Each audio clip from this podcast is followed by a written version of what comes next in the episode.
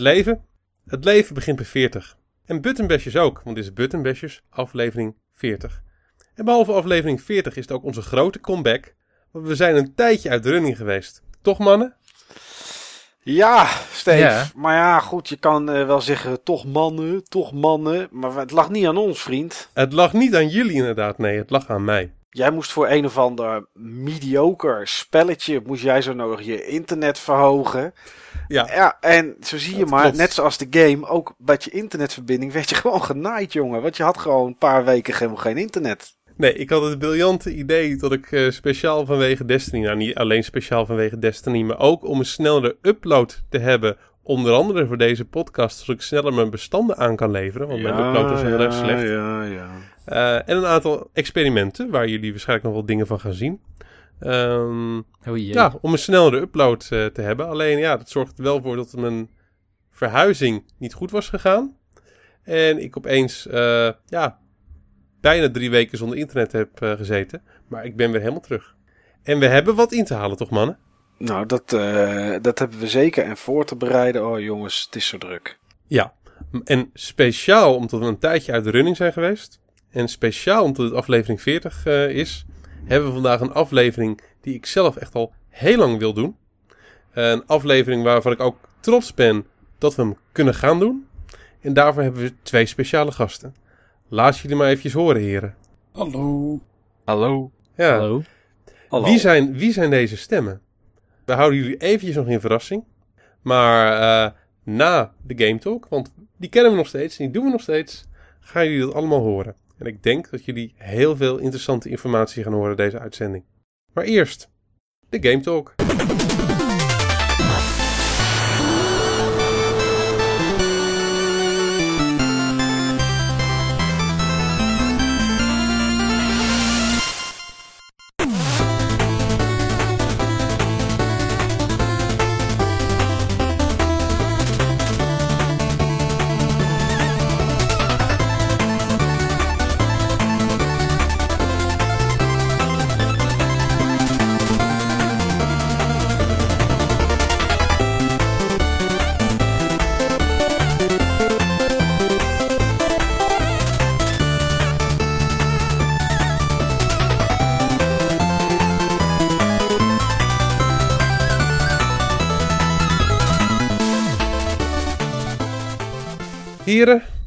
Wat hebben jullie gespeeld?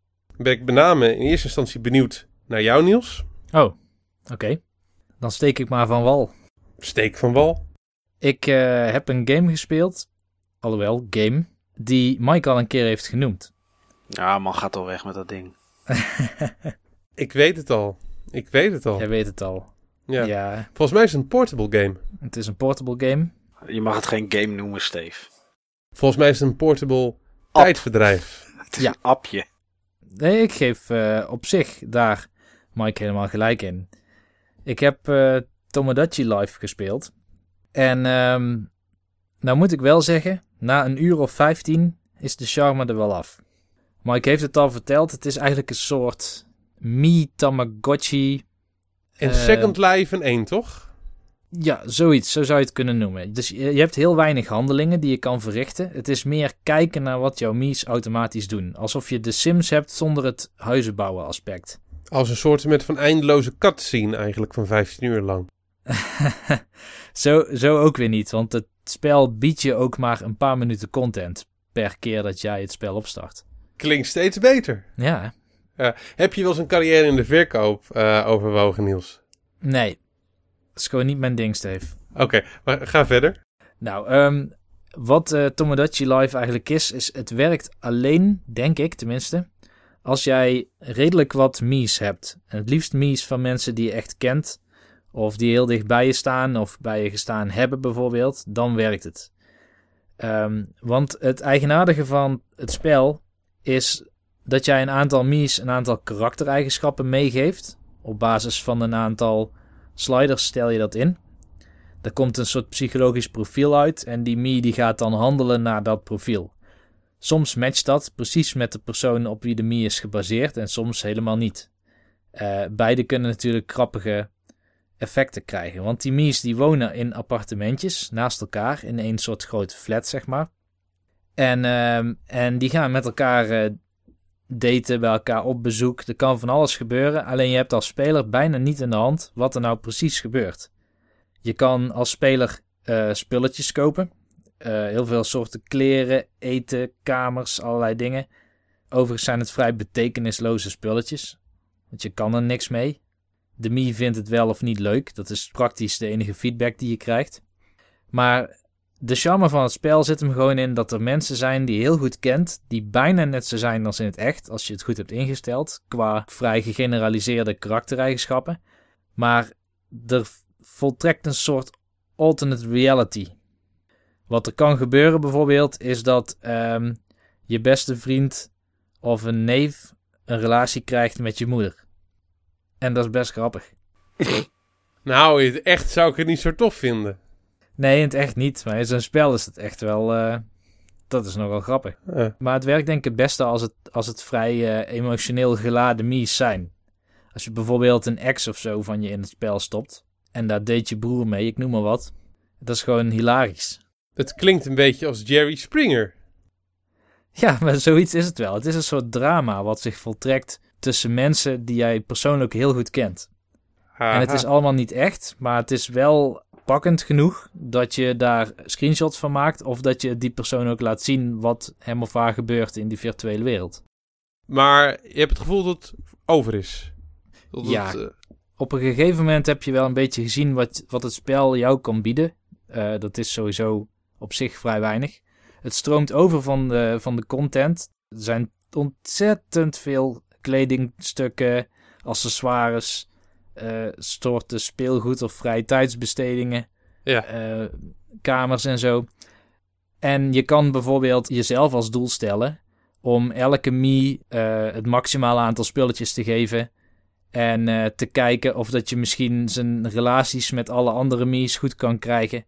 En misschien zelfs dat je erachter komt welke soorten voedsel die je het, het lekkerst vindt. Ik noem maar wat. Maar verder dan dat is het gewoon puur kijken naar ja, weliswaar hele grappige scènes die tussen die Mii's eh, ontstaan. Ja. Maar het is een vrij passieve gebeurtenis. Dus het En- klinkt, wat ik, eh, het woord wat ik je steeds hoor gebruiken is kijken. Ja, dat is ook zo. Wat ik, er, wat ik er apart aan vind, Niels, is dat ik het helemaal niet vind klinken als een game die jij normaal gesproken leuk zou vinden. Nee, het zit hem er denk ik in in eh, een woord wat jij eerder hebt gebruikt bij Animal Crossing. Ja. Gezellig. Ja, gezellig. Oké, gezellig. Ja, Ik, vond, ik vond Animal Crossing, ik vond Animal Crossing echt gezellig. Ja. Soms, soms verlang ik wel eens terug naar de warme deken die Animal Crossing lang voor mij was. Misschien kan ik de vergelijking heel kort even trekken dan tussen Animal Crossing en Tomodachi Life. Ja, Eh, Animal Crossing heeft meer content, duizend keer meer dingen om te doen. ja, Misschien zelfs meer eh, agency als speler heb je. Je hebt meer controle over hoe de wereld zich gedraagt. ja. Alleen het is minder persoonlijk. Dat snap ik. Dat snap ik, omdat eh, het zijn allemaal dieren die, eh, die, dieren die je tegenkomt in plaats van mensen die met name uit je omgeving die een vage karaktereigenschappen delen met mensen die je ook daadwerkelijk kent. Dus ik Ja. kan me voorstellen van dat het inderdaad een verschil is. Ja. Maar het klinkt wel, het klinkt wel een stuk beperkter. Maar je hebt toch weer 15 uur mee kunnen vermaken. En hé, laten we eerlijk zijn, dat kan niet met elke game. Nee, dat is waar. Dat is waar. Maar het, het was gewoon een interessante, interessant experiment, zo zou ik het willen noemen. Als er een vervolg uitkomt, ga ik die ook niet kopen. Eh, heb ik, heb nog, ik, heb nog één, ik heb nog één belangrijke vraag over dit spel, eh, Niels. Ja, Dat vind ik ook direct een hele belangrijke vraag. oké. Komen Mike en ik ook in jouw spel voor? Nee. Oh, waarom niet? Dan weten we weer wat we voor Niels betekenen, Mike. Nou, als ik niet in jij eens in jouw Tomodachi live voorkom. Jongen, jongen, jongen zeg. Jullie komen er vanzelf een keer in. Oké, zorgen. nou, er- ergens over vier jaar, eh, Mike, dan zitten we er ook in. Bij Tomodachi Live 6. Ik wou, maar hij gaat, geen, hij gaat geen vervolg meer kopen, dus dat heeft hij ook net gezegd. Dus nou, ik dacht, de kans voor ons niet zo groot. Maar Oké, weet je wat ik misschien doe? ja? Ik geef het spel nog een uur of vier. Ik zit dadelijk ontzettend lang in een vliegtuig. Oh ja, dat dus ik klopt. moet toch iets te doen hebben. Dan stop ik jullie mies erin. En eh, als ik terugkom, dan eh, zien we wel wat er met jullie gebeurd is. Oh, daar ben ik wel heel benieuwd naar. Daar, dat, daar willen we wel verslag van, uh, ja. van uh, krijgen. Prima. Misschien krijgen we wel wat, Mike. Nou, dat was wat ik even net wou zeggen. Gelukkig kunnen mannen niet met elkaar trouwen in Tomodachi Live. Oh, dat is, dat, dat is wel goed. Dat is wel goed, inderdaad. Vind ik overigens wel weer een beetje uh, narrow thinking van Nintendo. Ja. Ja, maar laten we. Dit spel heeft nu heel veel aandacht gehad. En ik ben blij dat Niels het zo duidelijk en compleet heeft beschreven. Uh, Mooi. Jouw mening was een stuk korter, uh, Mike. Ja joh, is geen hol aan, is geen game, je kan alleen maar kijken. Wel heel duidelijk. Niels' mening is ook duidelijk, maar hey, het zijn wel twee duidelijke andere omschrijvingen. Dat vind ik mooi. Vind ik mooi, daar doen we het voor. Ja. Ja. Maar Mike. Ja. Jij hebt heel veel gespeeld. Ik heb echt heel veel gespeeld. Ik had het heel druk, nog steeds heel druk. Ehm wat ik gespeeld heb, volgens mij sinds de laatste keer dat we elkaar gesproken hebben, is volgens mij, uh, was in ieder geval Last of Us Remastered. Volgens mij heb ik, uh, heb ik nog nooit verteld dat ik die gespeeld heb. Ja, dat heb je wel verteld. Oh, mooi. Dan kan ik die maand overslaan. Ik heb uh, Counter, Counter Strike, wou ik zeggen, maar dat is niet goed. Ik heb Counter Spy gespeeld op de PlayStation 4. Ik heb de nieuwe Walking Dead flipperkast gespeeld uit Zen Pinball 2. Ik heb gespeeld Dead Rising 3 op de PC, Warriors Orochi 3 Ultimate op de Xbox One, The Sims 4 op de PC, Stick It to the Man op de Xbox One, uh, Fantasy Live op de 3DS ben ik op dit moment aan het spelen en ik speel ook nog een beetje Destiny. En dan heb ik denk ik zo van de laatste twee, drie weken alles wel opgenoemd wat ik gespeeld heb. Uh, ja, roep het maar jongens, ik weet niet waar jullie iets over willen horen. Waar willen we wat over horen? Laten we er allebei eentje uitkiezen. Niels, mag jij eerst? Oké, uh, dan kies ik Fantasy Life. Oké, Fantasy Life. Uh, uh, ja, Fantasy Life is een RPG van level 5. dat heeft bij mij sowieso vaak al een streepje voor. Want ik vind dat een leuke ontwikkelaar. En ze hebben echt een hele leuke RPG neergezet. Het doel van Fantasy Life is het leiden van je eigen leven. Maar um, je kan de, de beroepen die je hebt, of het, de class die je bent, kan je tijdens het spel wisselen. Dus wat ik gedaan heb toen ik het spel opstartte is, uh, ik begon als een miner. Dus gewoon een, een, een, een mijnwerker. Um, maar je kan van alles kiezen. Je kan ervoor kiezen om een zwaardvechter te zijn of een magician. Je kan ervoor kiezen om een houthakker te zijn. Je hebt geloof ik twaalf, zeg ik even uit mijn hoofd, verschillende beroepen die je kan kiezen. En die je ook kan wisselen in het spel. Um, er zit gewoon een story in. Het is gewoon een, een, een RPG met een verhaal. Waarin langzaam de wereld openvouwt. Het is een leuke wereld. Uh, grappig, grappig gemaakt. Zitten af en toe leuke grapjes in. Uh, eigenlijk helemaal prima. En daarnaast heb je per klas ook nog eigen goals die je moet halen. Dus ben je mijnwerker, dan krijg je bijvoorbeeld een van de opdrachten is om 50 keer te minen, om drie uh, gems te halen. Nou, zo zitten per elke klas zitten er, uh, ja, zitten er andere opdrachten in. Dan is er het verhaal wat je hebt als opdrachten en je hebt allerlei sidequests. Nou ja, dat alles bij elkaar en overal experience voor en bliss. En dat kan je opbouwen door het verhaal te volgen. Daar krijg je dan weer perks voor. Hè. Dat klinkt een beetje als Call of Duty. Daar heb je natuurlijk ook perks. Uh, maar in dit geval zijn dat dan dingen als uh, je kan meer items meedragen of wat dan ook. Uh, ja, het is een beetje een grind-achtige RPG. Je moet wel vaak dungeons twee of drie keer in. Als je tenminste al die, al die opdrachten wil behalen. En uh, ja, voor, uh, voor jou Niels, ja, ik weet niet of je hem voordat je straks in het vliegtuig zit nog op kan pikken op de 3DS. Maar mm -hmm. ik, uh, ik denk dat, dat jij dat ook wel, wel goed kan waarderen. Het is, het is een leuke RPG, onderhoudend, gaat snel. He, dus het is, geen, het is niet traag en weet ik wat allemaal. En wel simpel. Ik bedoel, je hebt twee of drie knoppen die je moet gebruiken. En het maakt niet uit of je of je dan de houthakker bent, of je bent de mijnwerker, of je bent een paladin. Uh, je hebt eigenlijk altijd twee, twee of drie knoppen.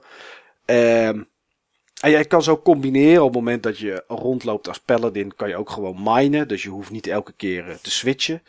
En uh, ja, een leuke wereld, wat ik zei, fout open. Ik vind het uh, echt een leuke titel. Oké, okay, dat is goed echt... om te horen. Ja, ja, ik heb me er tot nu toe uh, erg goed mee vermaakt. Al een uur of uh, 15 tot 20 of zo. Oké, okay. ik zou het wel eens een kans kunnen... Het blijft een level 5 game. Daar hou Ja. ik niet zo van. Oh, Maar- dan moet je het misschien niet doen. Daarom ga ik mezelf goed informeren. Je hebt een stukje informatie, Niels. Ja. En mag ik er ook nog eentje kiezen? Ja, kom maar op. Ja, ik weet het wel, want ik wil eventjes eh, flink tekeer horen gaan. Ja, Dus ik ga voor Dead Rising op PC. Dead Rising op PC is een eh, enorm toffe game. Het bestuurt goed als je het met controller doet, muis en keyboard. Maar ja, goed, dat moet je, vind ik, met een third-person eh, eh, game moet je dat nooit doen, want dat werkt, niet, werkt gewoon niet prettig. En zeker niet eentje die echt van de console afkomt. Nee, zeker weten niet. Het enige nadeel wat er aan Dead Rising 3 is, is dat het nogal een beetje hapert en stottert op, eh, op PC's. Ik eh, had zelf dat de grafische kwaliteit niet op zijn maximaal komt, terwijl ik dat bij alle huidige games nog steeds wel kan. Behalve bij Dead Rising 3. En andere verhalen die ik uit mijn vriendenkring heb gehoord, is mensen die het perfect konden draaien. En na een half uur zakte de performance helemaal in. Dus ja, dat hebben ze niet zo heel lekker gedaan van Capcom. Maar ze hebben er denk ik wel wijs aan gedaan om de game om te zetten naar PC. Het is een, een redelijk open wereld game. Je kan niet in het begin gelijk heel de stad door. Maar zodra de eh, story, zeg maar, zodra het verhaal progressie krijgt, dan, eh, dan, kan, je, dan kan je naar alle, alle onderdelen of alle delen van de stad. En ja, het is, het is natuurlijk zoals deel 1 en deel 2 ook eh, wapens maken, combineren. Je kan in dit geval kan je zelfs auto's met elkaar combineren om ze tot, tot moordwapen te, te, te vervaardigen.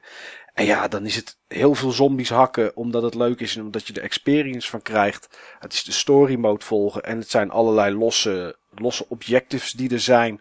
Je kan eh, heel veel blueprints verzamelen, zodat je dan weer nieuwe wapens kan maken. Er liggen eh, Frank West beeldjes liggen er. De personage uit deel 1, die heeft zijn eigen statues, zijn eigen, kleine gouden beeldjes. Lijkt een beetje op een Oscar, die, die, eh, die overal verspreid staan. Eh, ja, er ligt van alles in de stad om op te pakken en te verzamelen. En ja, het enige wat ook wat, wat aan die game echt mis is, zijn een beetje de eindbazen. Die duren vaak heel lang. En zijn heel herhalend wat je daar moet doen. Eh 26 keer hetzelfde trucje om door ergens door een poortje te rennen, zeg maar. Of eh, met je eh, bij wat tonnen te gaan staan die kunnen ontploffen. En net opzij springen op het moment dat er een gast met een motor op je inrijdt. Ja, en dat dan voor zijn hele crew van acht man. Ja, weet je, dat duurt gewoon net even te lang.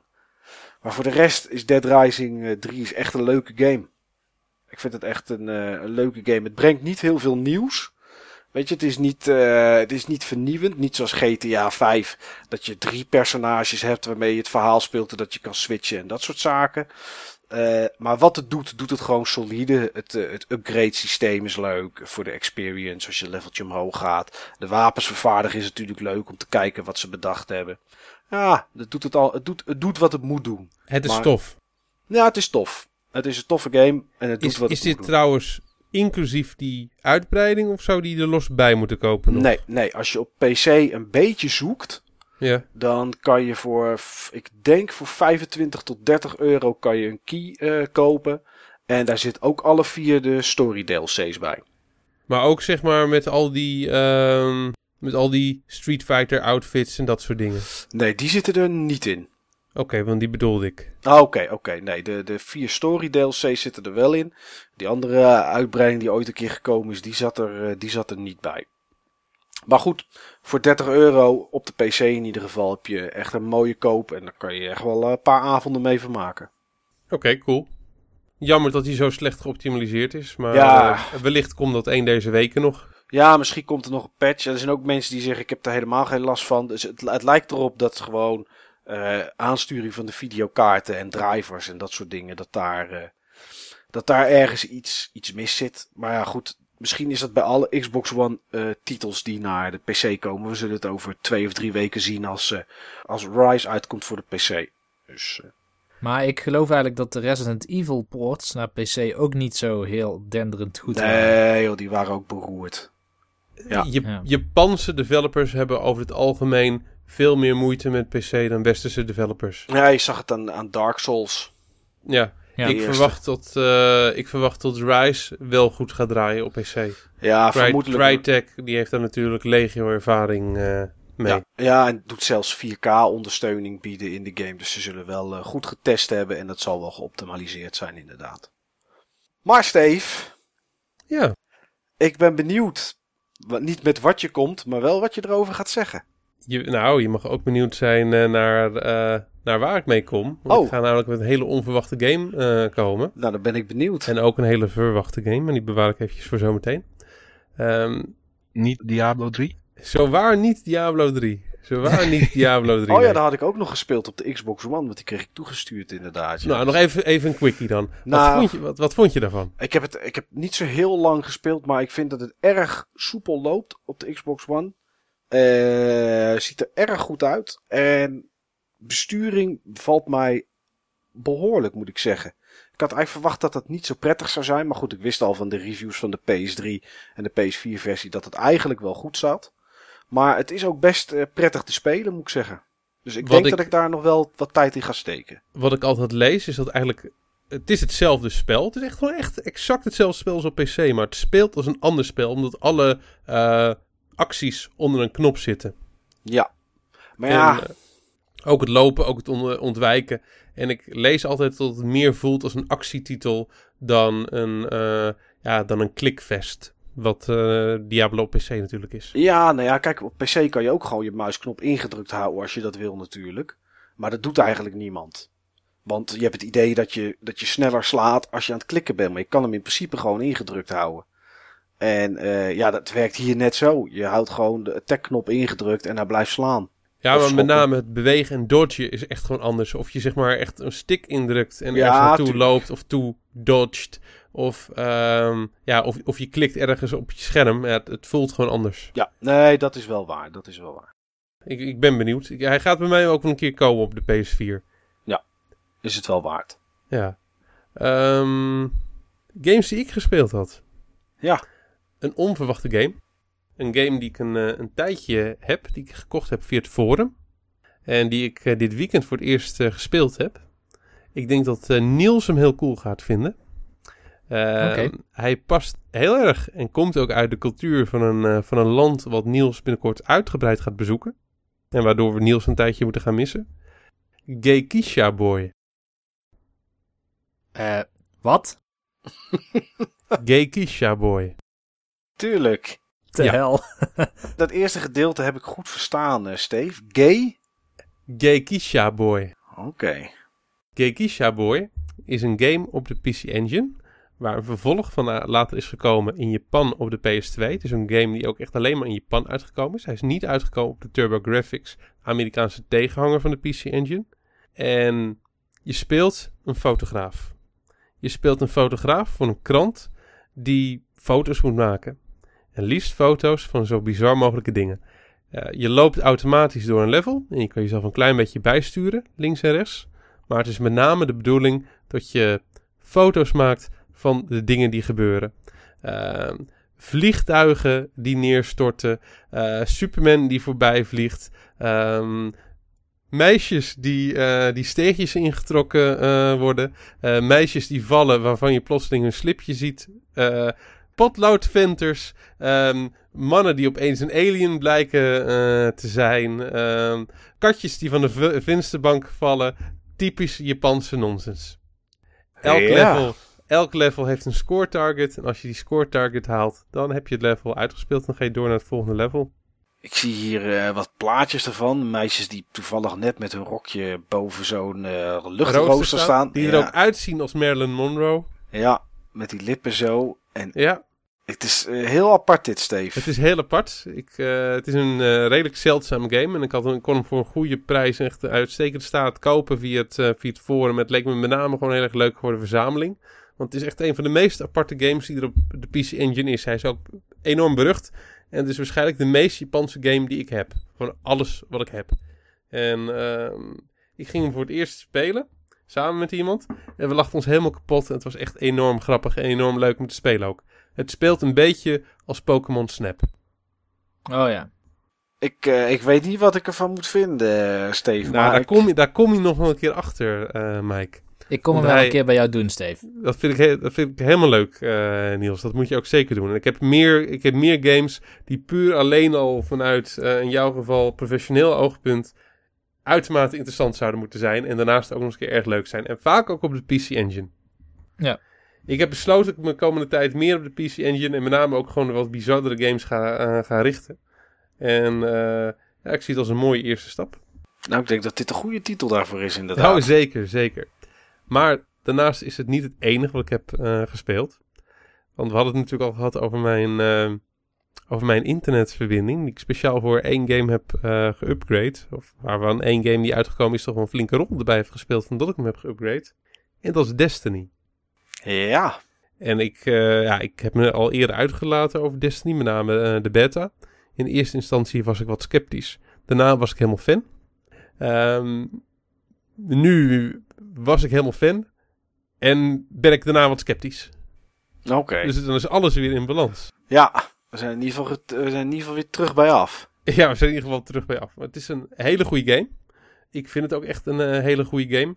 Maar ik moet wel zeggen dat het vooral een hele goede game is vanwege een aantal elementen. En die zijn echt zo bizar goed dat het de rest van de game optrekt. En veel andere elementen van, ehm, van de game zijn eigenlijk veel minder goed dan verwacht. Wat goed is, dat zijn mechanics. Dat is de gameplay. Ik heb geen console shooter die zo lekker speelt als, eh, als Destiny. Het speelt gewoon echt heerlijk weg. De controls voelen goed. De, de framerate is enorm steady. Is gewoon strak 30 frames per seconde. Eh, de controllers voel je gewoon, eh, controls voel je bijna geen, eh, geen lag in. Ehm, de wapens voelen, voelen echt divers en, en goed. De jumping mechanics voel, voelen goed. Het ziet er, het ziet er goed uit. Ehm, de multiplayer is leuk. Met name de competitive multiplayer. Cooperative multiplayer is ook leuk. Alleen is gewoon een groot gebrek aan content. Ik vind echt dat er niet genoeg content in eh, de game zit. Met name in, eh, in de campaign, noem ik het maar, eh, maar even. En ja, het, het verhaal is echt eh, wel flinter, flinter dun. Dat is echt zo dun als glas. En dan heb ik het echt over prachtig, sierlijk, fijn geslepen glas. Maar zo zie ik mijn games toch liever niet. Nee. Nou, ik ben het deels wel met je eens, eh Steve. Want, wat vind jij ervan, Mike? Ik vind het een, eh, een standaard shooter, kan niet anders zeggen. Eh, Ja. De mechanics zijn inderdaad goed. Ik heb nul problemen om, eh, en zelfs ik die eigenlijk nooit shooters speel op console, om headshots en dat soort dingen te maken. Het richten is goed, wapens zijn goed. Ehm, dat is inderdaad allemaal prima. Eh, de content waar jij het over hebt is inderdaad ver beneden peil. Ja. Als je, eh, eh, eigenlijk hebben ze vier grote velden gemaakt voor de story en dat is het. Eh, het begon mij met name tegen te staan op het moment dat ik op de maan kwam. Dat is ongeveer, tenminste in mijn geval, ik ben eigenlijk eerst de story mode gaan spelen en in mijn eentje vanwege de, vanwege de review. En op het moment dat je op de maan komt en je speelt daar vier story modes en elke keer begin je op dezelfde plek. En elke keer zie je weer hetzelfde in het begin. Goed, je gaat een iets andere kant op. Maar het, het begint elke keer hetzelfde. Het is één, één groot level. Eh, dat, vind ik echt, dat vind ik echt heel slecht. Ik vind daarbij de werelden ook veel te statisch. Ze Ja. hebben eh, van Klopt. tevoren gezegd dat eh, reviewers niet konden spelen voordat de game uit was. Dus dat klopt ook. We hadden ook een review-exemplaar ook gewoon op de dag van de lancering. En de reden dat ze dat deden, zeiden ze, was omdat de wereld dan niet levendig was. Omdat er dan geen andere mensen in rondliepen. Nou, ik weet niet wat bij Bungie als levend wordt beschouwd. Maar in eh, eh, de city, zeg maar, de hub van de, van de game, waar je ook eh, wat items kan kopen en naar je postbus kan gaan en dat soort dingen, loopt volgens mij max 20 of 30 man rond en niet meer. Zoiets. Ja, en als je aan het Is, de, is daar ook genoeg? Daar stoort het me niet. Nee, is ook zo. Maar zodra je dan op de maan komt. En, eh, en bijvoorbeeld die, die vrij, vrij fors is qua omvang. Dan ja, loopt er zes man geloof ik. Zes of zeven man. Dat is geloof ik het maximale wat Af ze... en toe een keertje, dan zie je eens een keer iemand tegen vijanden vechten. Ja, nou ja, Waar je liever zelf tegen gevochten had. Nou, precies. En wat er dan af en toe gebeurt, is dat er public events zijn. Dus er wordt zomaar in één keer wordt er een event gelanceerd. Dat is, dat Die zijn, die zijn tof, maar Ja. te, zel- te zeldzaam. ook. En heel vaak sta ik in mijn eentje Terwijl eigenlijk die public events niet voor één iemand zijn, maar misschien voor een man of vier. Omdat ze anders niet te halen zijn. En ik heb dus regelmatig gehad dat ik daar gewoon, dat ik daar gewoon solo stond. Ja, eh, laat maar. Dan ga ik wel weg. Nou ja, dat, dat, vind, ik, dat vind ik minder. Eh, zoals jij zei, het verhaal. Maar niet alleen het verhaal, maar ook hoe ze alles genoemd hebben. The Guardian, The Traveler, The Fallen, The City. Alles is, alles is dat. Niks heeft een echte naam of wat dan ook. Ik vind de tegenstanders tot nu toe die ik gezien heb, want ik weet dat er op Venus dat er wat andere bij komen, maar ook niet divers. Ik geloof dat het het eerste of het tweede story missie is op aarde, waar ik al tegen een wizard vocht. En story nummer 8 op de maan loop ik nog steeds tegen wizards te vechten. Dat blijft, dat blijft hetzelfde. De missies. Veel moet je je ghost eh, verdedigen, die ergens iets staat te hacken en dat je dan aangevallen wordt. En dan moet je eh, zeg maar alle tegenstanders afmaken die op je afkomen. Het is elke keer, zodra Ghost, zodra er staat op je scherm deploy Ghost, dan weet je al, oké, nu gaat de poep aan. Ja. Dat is, Ja. zo werkt het gewoon. Dat is, dat is de hele game. Dat vind ik misschien nog het meest storende van de dingen die we genoemd eh, hebben. Eh, de diversiteit in de opbouw en elementen binnen de missies. Ja. Er zit echt de basis in. Ik, ik zie alle elementen van de basis van een heel goed spel. Ja. Maar ik zie het niet terug. Wat ze er voor de Ik rest kan, mee heel gedaan goed, hebben. ik kan me er heel goed mee vermaken. En dat doe ik ook. Ik ga nog heel veel spelen. Maar het had gewoon echt beter kunnen en moeten zijn. Ja. Het had beter kunnen zijn op basis van ehm, de kwaliteit van de elementen die echt voor elkaar zijn. En die echt puik in elkaar zitten. Dat is eigenlijk het niveau wat ik ook terug had willen zien bij de rest. En het had beter moeten zijn vanwege het gigantische budget wat ze hadden. En de hype die ze zelf hebben gecreëerd.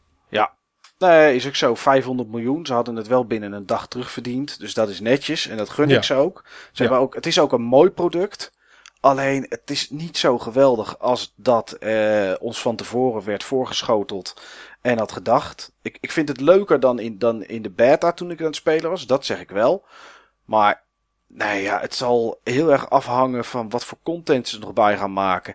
En Ja. wat ze goed doen is dat er nu elke week een event is. Als het goed is gaat morgen, nou ja, dat is podcast al uit, maar gaat de eerste raid gaat open.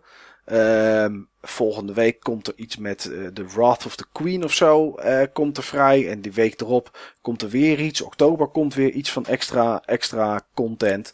En dan in december, als het goed is, de eerste betaalde DLC. Maar ja, als die DLC net zo schamel is als dat de, de, de planeten nu in de game zijn, vraag ik me af hoeveel mensen dat gaan kopen. ik verwacht dat met name de eerste DLC dat wel zal zijn. Ik denk dat ze op een gegeven moment wel iets doorhebben van... oké, dit is eh, het soort feedback wat we krijgen. Dit is wat we eraan kunnen doen.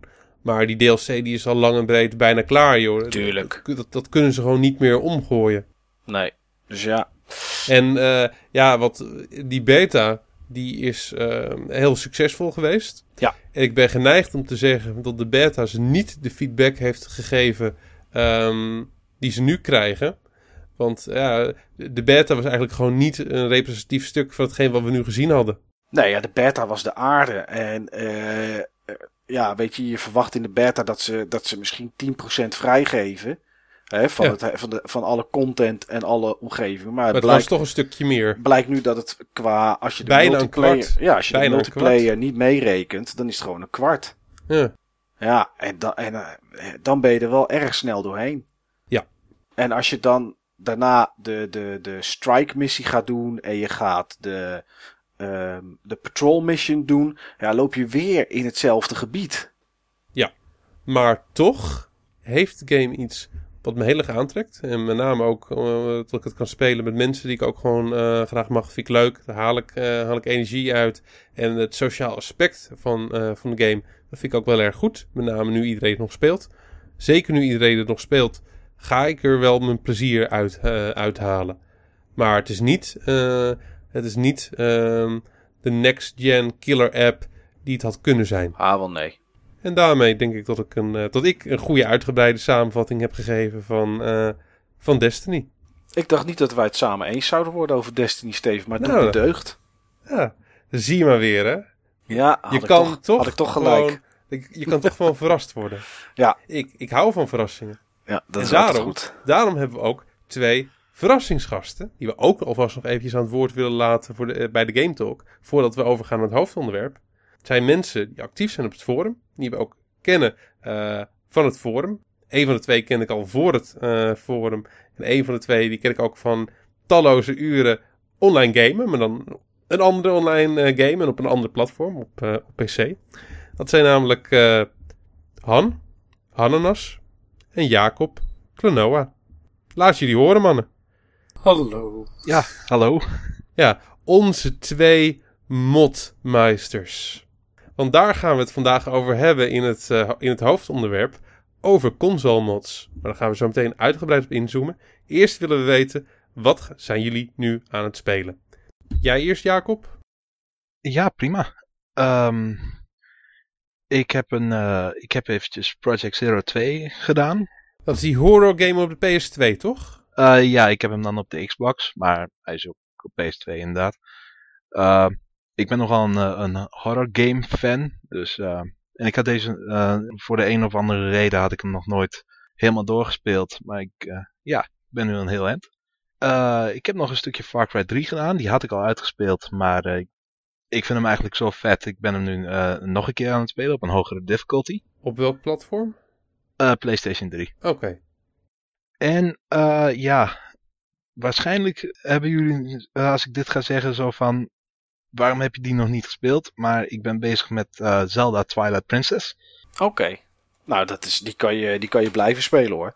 Dat is prima, prima Zelda.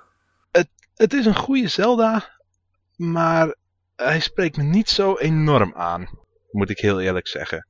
Mee eens. Oké, kun je Ik heb, uitleggen ik heb waarom hem niet? ook niet uitgespeeld. Ik vind het steltje niet zo mooi.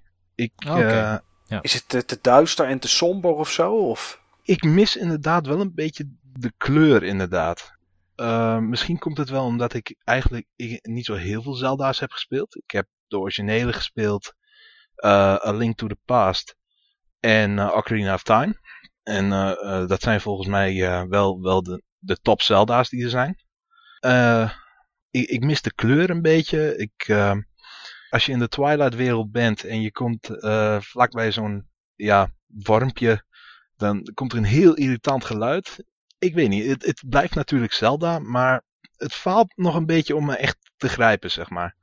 Ja. Wat, wat wel aan te raden is misschien, ik weet niet of dat je een 3DS hebt, maar die A Link Between Worlds is wel, die zou wel in je straatje vallen, denk ik. Absoluut. Ja, Absoluut. eh, dat was een remake, toch? Nee, vervolg op, eh op Een Link to the ja. Past. Ja. ja. Ja, ik had het niet zo enorm gevolgd. Als je hem nog nooit gespeeld hebt, zou je Minish Cap ook eens kunnen proberen. Ja, goed, eh goede tip. Dat gaat je in ieder geval niet te, te veel tijd kosten, Minish Cap. Maar is wel gewoon een leuke, relatief korte ervaring. Het is wel ook een hele afwijkende Zelda. Het is een leuke Zelda. Oké. Eh, dat heb ik gespeeld. En ik ben, die vind ik trouwens wel weer heel veel leuker. Eh, Wind Waker ben ik eh, ook mee begonnen. ja, dat vind ik echt een Op, leuke. op de Wii U? Nee, nee, oh, gewoon ook nog op de Gamecube. Oh, op de Gamecube. ja, joh, de, de kern van het spel is gewoon gelijk hoor. En ehm, de Wii U-versie is net wat mooier en speelt net wat soepeler. Maar op de Gamecube, een klassieker. Wind Waker is echt een van de betere Zelda's. Hebben we het Ja. laatst, hebben we het een tijdje geleden nog over gehad. Ja, i- inderdaad. Die eh, spreekt me veel meer aan. Het is ook wat kleurrijker. eh.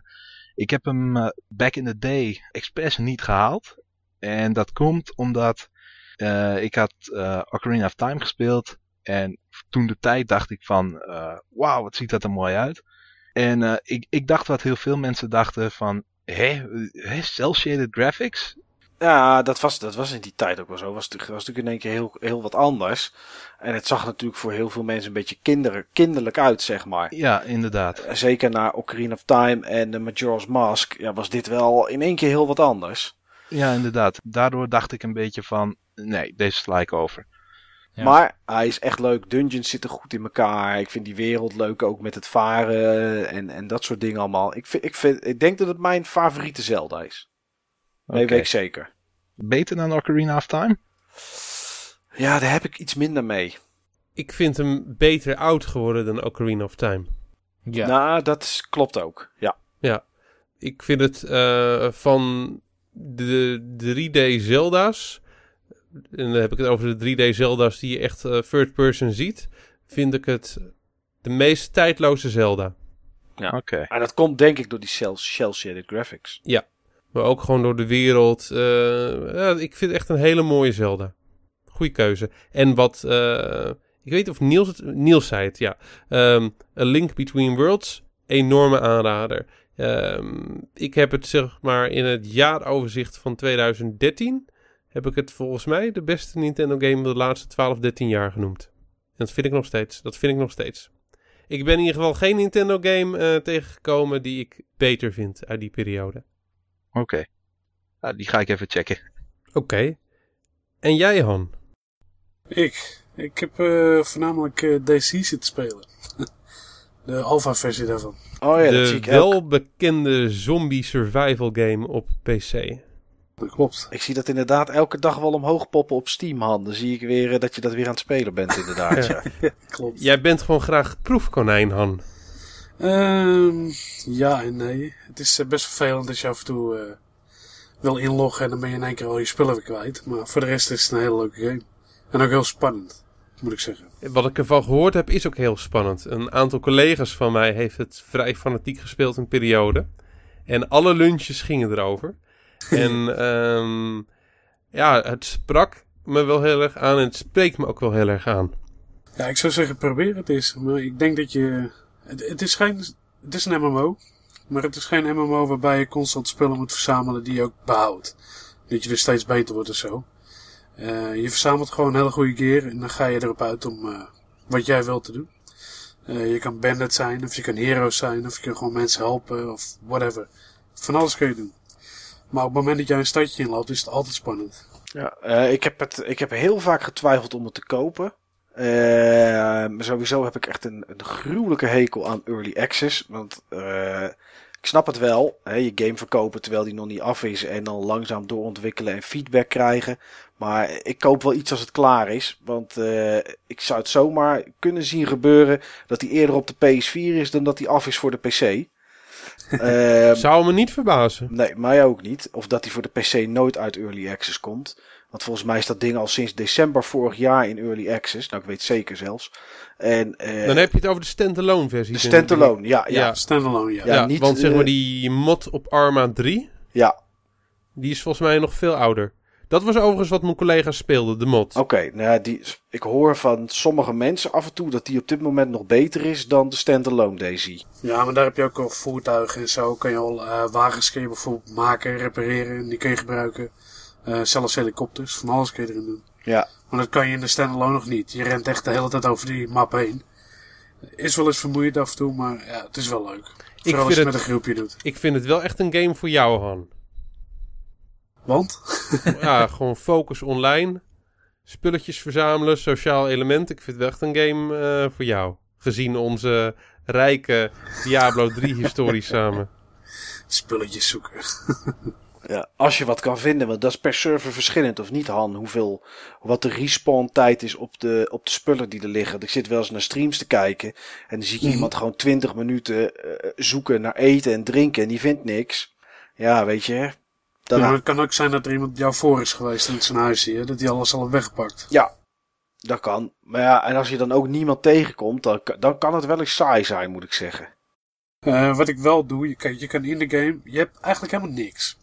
Eh, geen map, helemaal niks. Het enige, hoe noem je dat, HUD wat je hebt, is als je op tab drukt, dan heb je, kan je zien wat je aan hebt en zo. Ja, je Voor de rest heb inventory. je echt heb helemaal je. Inventory, Ja. dat bedoel ik.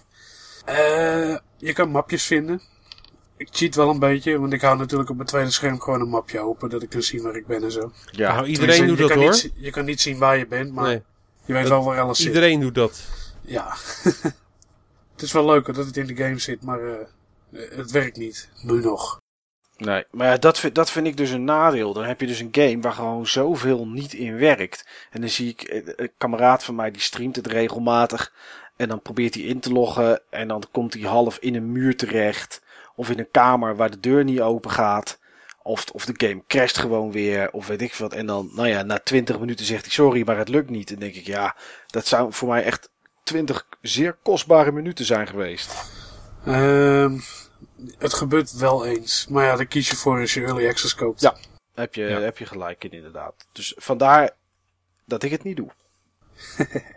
Nou, je hebt er toch een beetje warm voor gemaakt, eh, Han. Maar dan niet de early access versie, dan echt gewoon een afgeronde versie. Ja. en dan zie ik hem eerder, mezelf eerder spelen op, eh, op PlayStation 4. Want dit soort spellen werkt voor mij gewoon beter met de controller in mijn handen. En ik weet dat het ook op PC kan, maar vanaf mijn bank vind ik het gewoon net even wat comfortabeler. Ik heb hetzelfde. Ik, eh, ik ga in ieder geval, wanneer deze titel dan uit Early Access is, dan ga ik er eens goed naar kijken. Klinkt super interessant. En eh, dan heb ik weer iets voor de PC samen met, eh, wat was het ook weer, Michael? Divinity, toch? Divinity Original Sin. Ja, Ik Ja, vind het ook precies. echt Die moet voor doen. jou, eh, Niels. Omdat het gewoon echt een ervaring is. En het is ook gewoon, eh, het is ook gewoon echt spannend. Eh, Ja. Als je doodgaat, ben je ook echt dood. En ben je ook gewoon echt alles kwijt. ja, ja. kan, je- kan je weer helemaal opnieuw beginnen. Ja. Ja. Ik eh, vond Dark Souls leuk, Zombie U, dus het zal wel passen. Ja, ik, ik zie jou daar wel in. Je moet ook niet zomaar een vliegveld oprennen. Dat raad ik je echt af. Ja, dan word je gesniped, denk ik. Dat is eh, geen strak plan. Nee. Als de zombie apocalypse ehm, losbreekt, wil ik jou bij mijn zijde, Han. Want jij hebt ervaring. is goed, man. ja. Dat Eh, is goed, zegt hij ook. Overigens, eh, als jullie het goed vinden, en ook als jullie het niet goed vinden, ga ik nog eventjes vals spelen. Want ehm, ik ben namelijk een, eh, een game vergeten te vermelden die ik ook gespeeld heb. En dankzij, eh, dankzij Jacob dacht ik er weer aan toen hij zei van... Het zal jullie waarschijnlijk verbazen tot, je die nog, tot ik die nog nooit gespeeld heb. Ehm, ik ben een week ziek geweest. En ik kon toen echt eh, vrij weinig. Maar in, eh, in de laatste dagen dat ik ziek was, ben ik een spel gaan spelen. een paar uur per dag. Wat ik al een hele tijd heb liggen. En wat ik echt al heel, heel lang wou. Ehm, wat ik echt al, nou, wat zal het zijn? 20 jaar wou. En wat ik nu zeg maar een jaar of drie heb. En eh, wat zeker ook een van eh, de beste games van eh, Nintendo eh, ooit is. Waarschijnlijk een van de twee of drie beste games van het 16-bit tijdperk. Overall. En sowieso van Nintendo. Mario Paint. Sorry? Metroid. Is het Mario Paint? Ik hoorde, ik hoorde... um, Metroid. eh, ja, Metroid. Super, Super Metroid. Metroid. Heb jij Super Metroid nog nooit gespeeld? Ik had? Super Metroid nog nooit gespeeld. Nee, Oh, wat slecht. ik kan je, wat, Ja, ik ik kan je wat vertellen. Ik ook niet. Hij is Mike. zo vreselijk vet. Hij is zo vet. Hij is zo gigantisch goed. Echt het... ehm, ik Nog één keer, ik, Steve. Ik wist Zo natuurlijk... vet. Ja, Hoe goed is die, Steve? Nu kan ik tenminste gewoon zeg maar de reactie geven die, die Mike waarschijnlijk verwacht had dat ik zou geven met Destiny. Hij is echt geweldig. en ehm, ja, eh, ik snap hem. Ik snap waarom mensen dit eh, tot een van de beste games ooit eh, uitgeroepen hebben. De manier hoe die map zich ontvouwt. De upgrades die je vindt. De frequentie waarin je upgrades vindt. De frequentie waarin je bossfights tegenkomt. Eh, de sfeer eh, die in eh, de desolate 2D-wereld eh, zit waar je doorheen loopt. Het voelt gewoon als een buitenaardse planeet waarin je helemaal alleen bent en, en het maar moet zien, zien te rooien. De manier hoe je sterker wordt. Het is een geweldig spel. Het is echt een geweldig spel. Ga het spelen. Super Metroid, SNES. Download hem op de Virtual Console. Koop de kaart, steel de kaart, maar ga hem spelen. En stelen bedoel ik niet zeg maar uit een winkel, maar download gewoon de ROM. Ga hem spelen. Nou, wie weet doe ik het ooit eens. Maar ik heb het ook nog nooit gespeeld. Ik heb er ook totaal geen, eh, geen drang naar of zo. Ik weet niet wat het is. Nou, ik had hetzelfde als jou, eh, Mike. Alleen, volgens mij was hij ooit in de aanbieding op de Virtual Console. En toen dacht ik van, nou moet ik hem toch onderhand een keer spelen. Ja, Ik was compleet hooked. Top 5 Oké. spellen aller tijden bij mij. Nou misschien in december als ik een keer tijd heb. Ik had, eh, ik had niet verwacht dat, een, eh, tot mijn eh, 16-bit toplijstje, die toch echt wel gevuld is door de spellen uit mijn jeugd, waarvan ik echt heel veel gespeeld heb, dat die opeens zeg maar qua top 3 eh, een, een nieuwe speler in die lijst zou, eh, zou hebben. Echt eh, een zeer goed spel. Maar ik denk dat ik zeer duidelijk ben geweest. Duidelijk. Ik eh, denk dat jij het heel goed vond. Zou kunnen. ja. Ja, maar ehm, ik denk dat het een mooie afronding is van, eh, van de Game Talk. Want we zijn nu al veel aan het bespreken. We hebben al veel besproken en we hebben nog heel veel te bespreken. Want we hebben deze, deze twee gasten hebben we niet voor niks opgetrommeld. Nee. Dus eh, die gaan we goed inzetten voor ons hoofdonderwerp. Console Mods.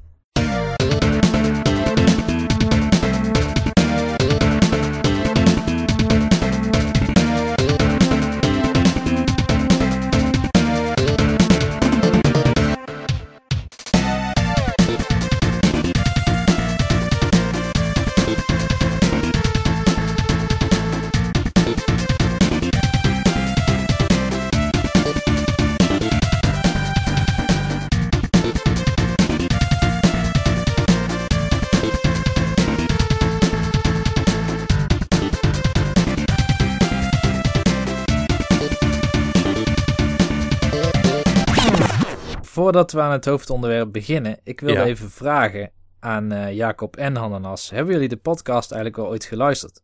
Zo, voordat ik begin te editen, snap je? Dus, Jazeker. Ja, ik ook wel. Ik Niet heb vanmiddag alles, nog de maar vorige geluisterd. oh, geweldig. Oké, we kunnen doorgaan.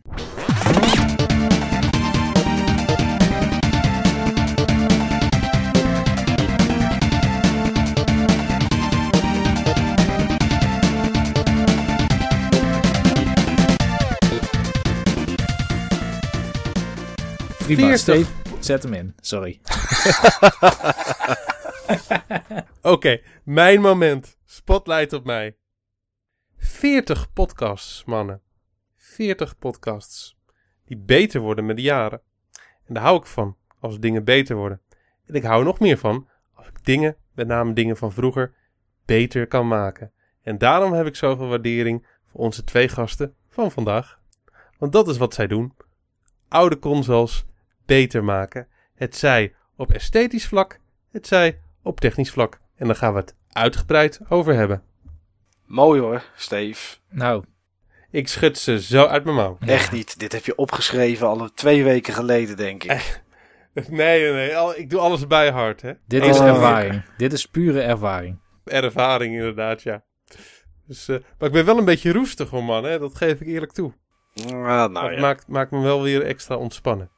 Oh, dat, dat is wel goed.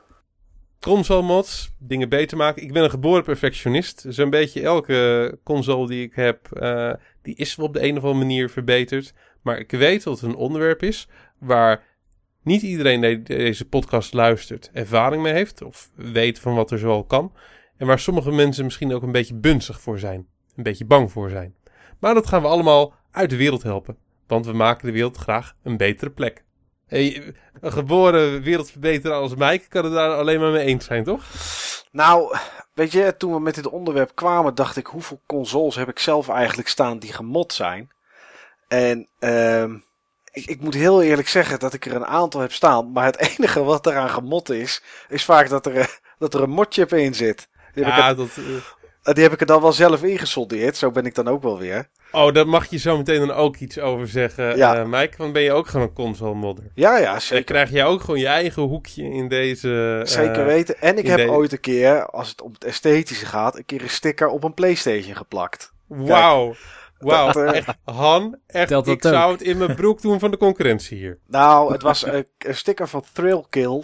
Dat was zo'n eh, zo'n sticker die precies op de klep paste van je PlayStation 1. En die game die is nooit uitgekomen omdat hij te bruut was. Maar ik had wel de sticker en dacht ik, nou, ik Oké. plak het er maar op. Oh, dat is wel cool. Ja. is cool. is, is dat geen geld waard? Ah, die sticker? Nou, vast niet.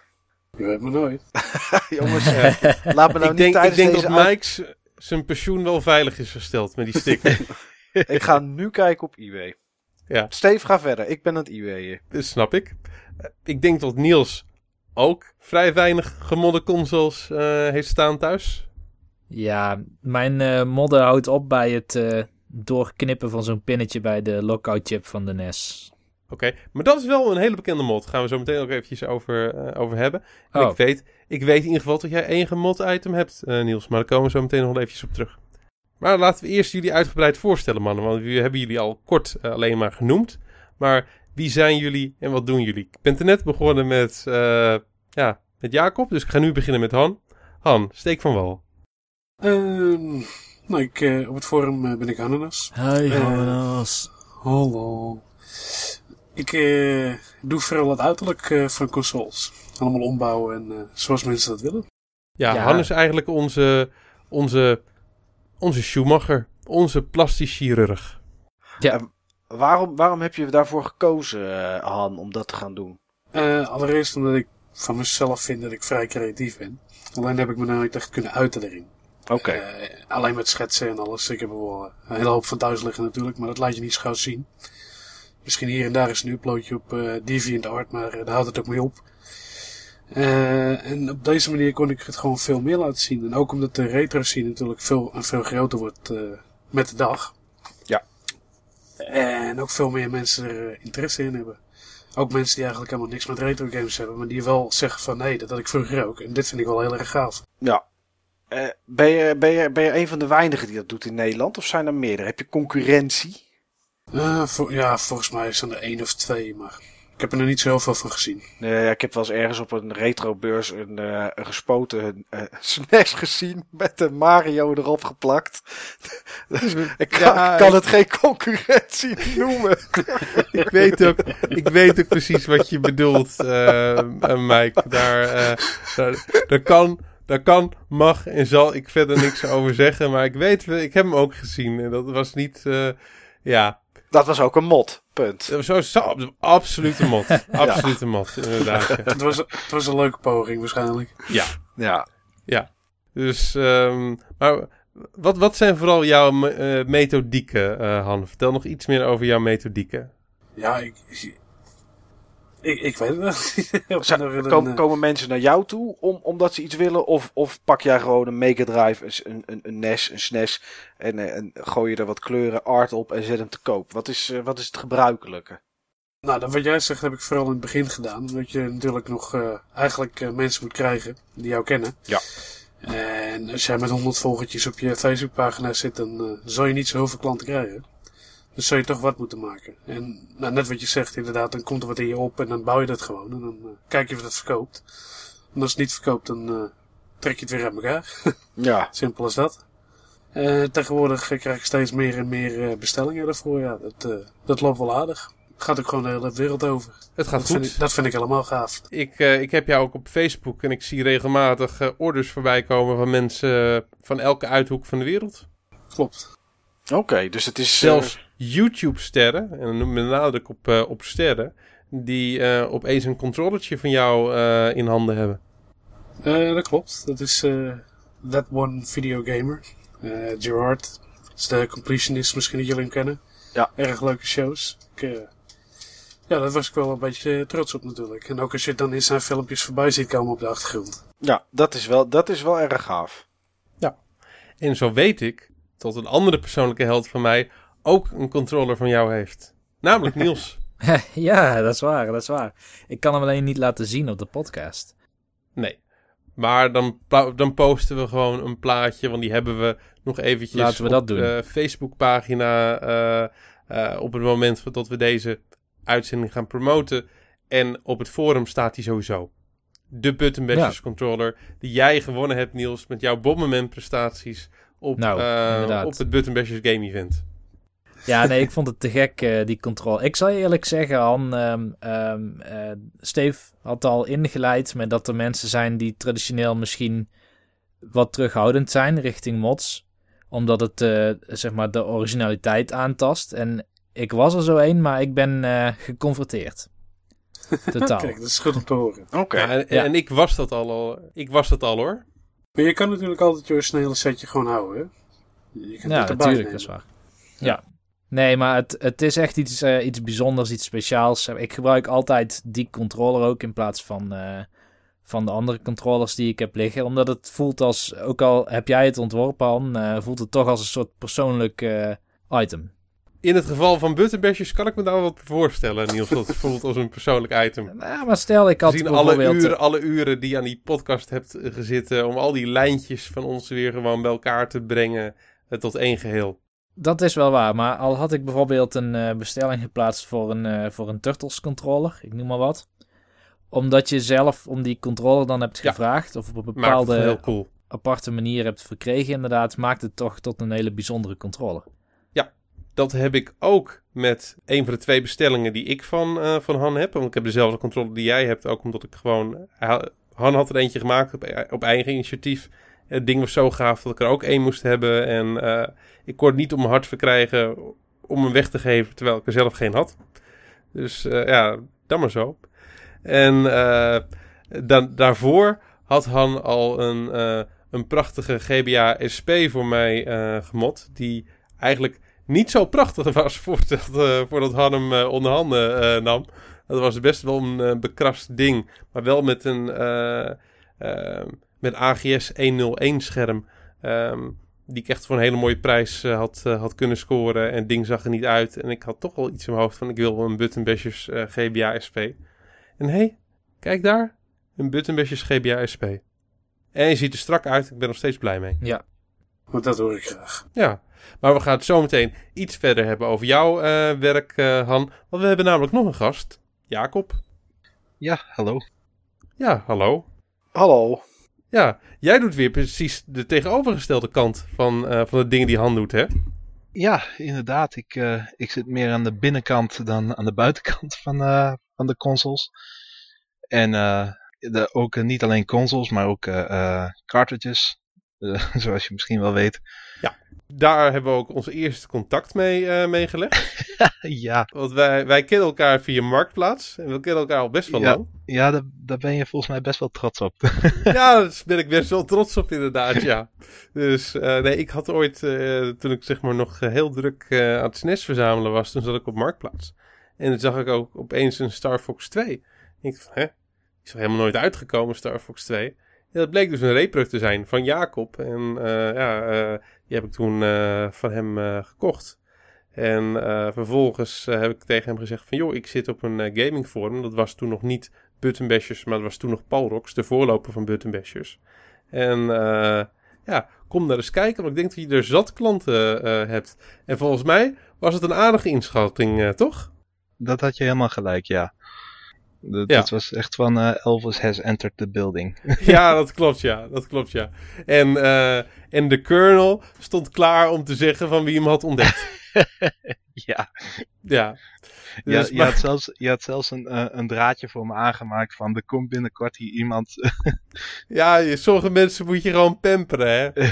Die mogen best wel in de watten gelegd worden.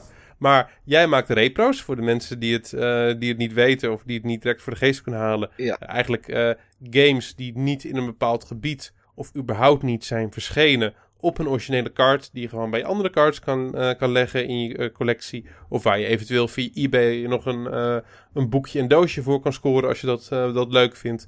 En dat je hem dan toch fysiek hebt. Zo heb ik bijvoorbeeld Secret of Mana 2 eh, fysiek, dankzij jou. Het grootste onrecht in de SNES-historie. wat ik zo heb kunnen herstellen, in ieder geval mezelf. Ik, eh, een game die ik altijd heb willen he- hebben, Engelstalig. En die ik nu ook zo in pal heb. Maar behalve repro's pas je ook consoles technisch aan. Eh, ja, dan moet je inderdaad denken aan eh, regio. Ja, eigenlijk alleen maar regio mods voor, die, eh, voor de oude consoles. En eh, dat kan op meerdere manieren. Eigenlijk doe ik nu nog maar één manier. Eh, Ja. De, de bekendste manier is natuurlijk eh, eh, met de schakelaars aan de achterkant. Dus dat je tussen PAL en NTSC kan kiezen en eh, de regio-chip aan of uit bij de SNES. Ehm, maar nu zet ik er een chip in en je kan aan de hand van de reset-knop kun je je regio kiezen. Enorm sophisticated. Eh, hij, het ding ziet er gewoon nog precies hetzelfde uit als, eh, Ja. als voorheen. Tenzij Han hem er eh, ook toevallig ter hande heeft genomen. Dan ziet hij er vooral heel erg anders uit dan, dan voorheen.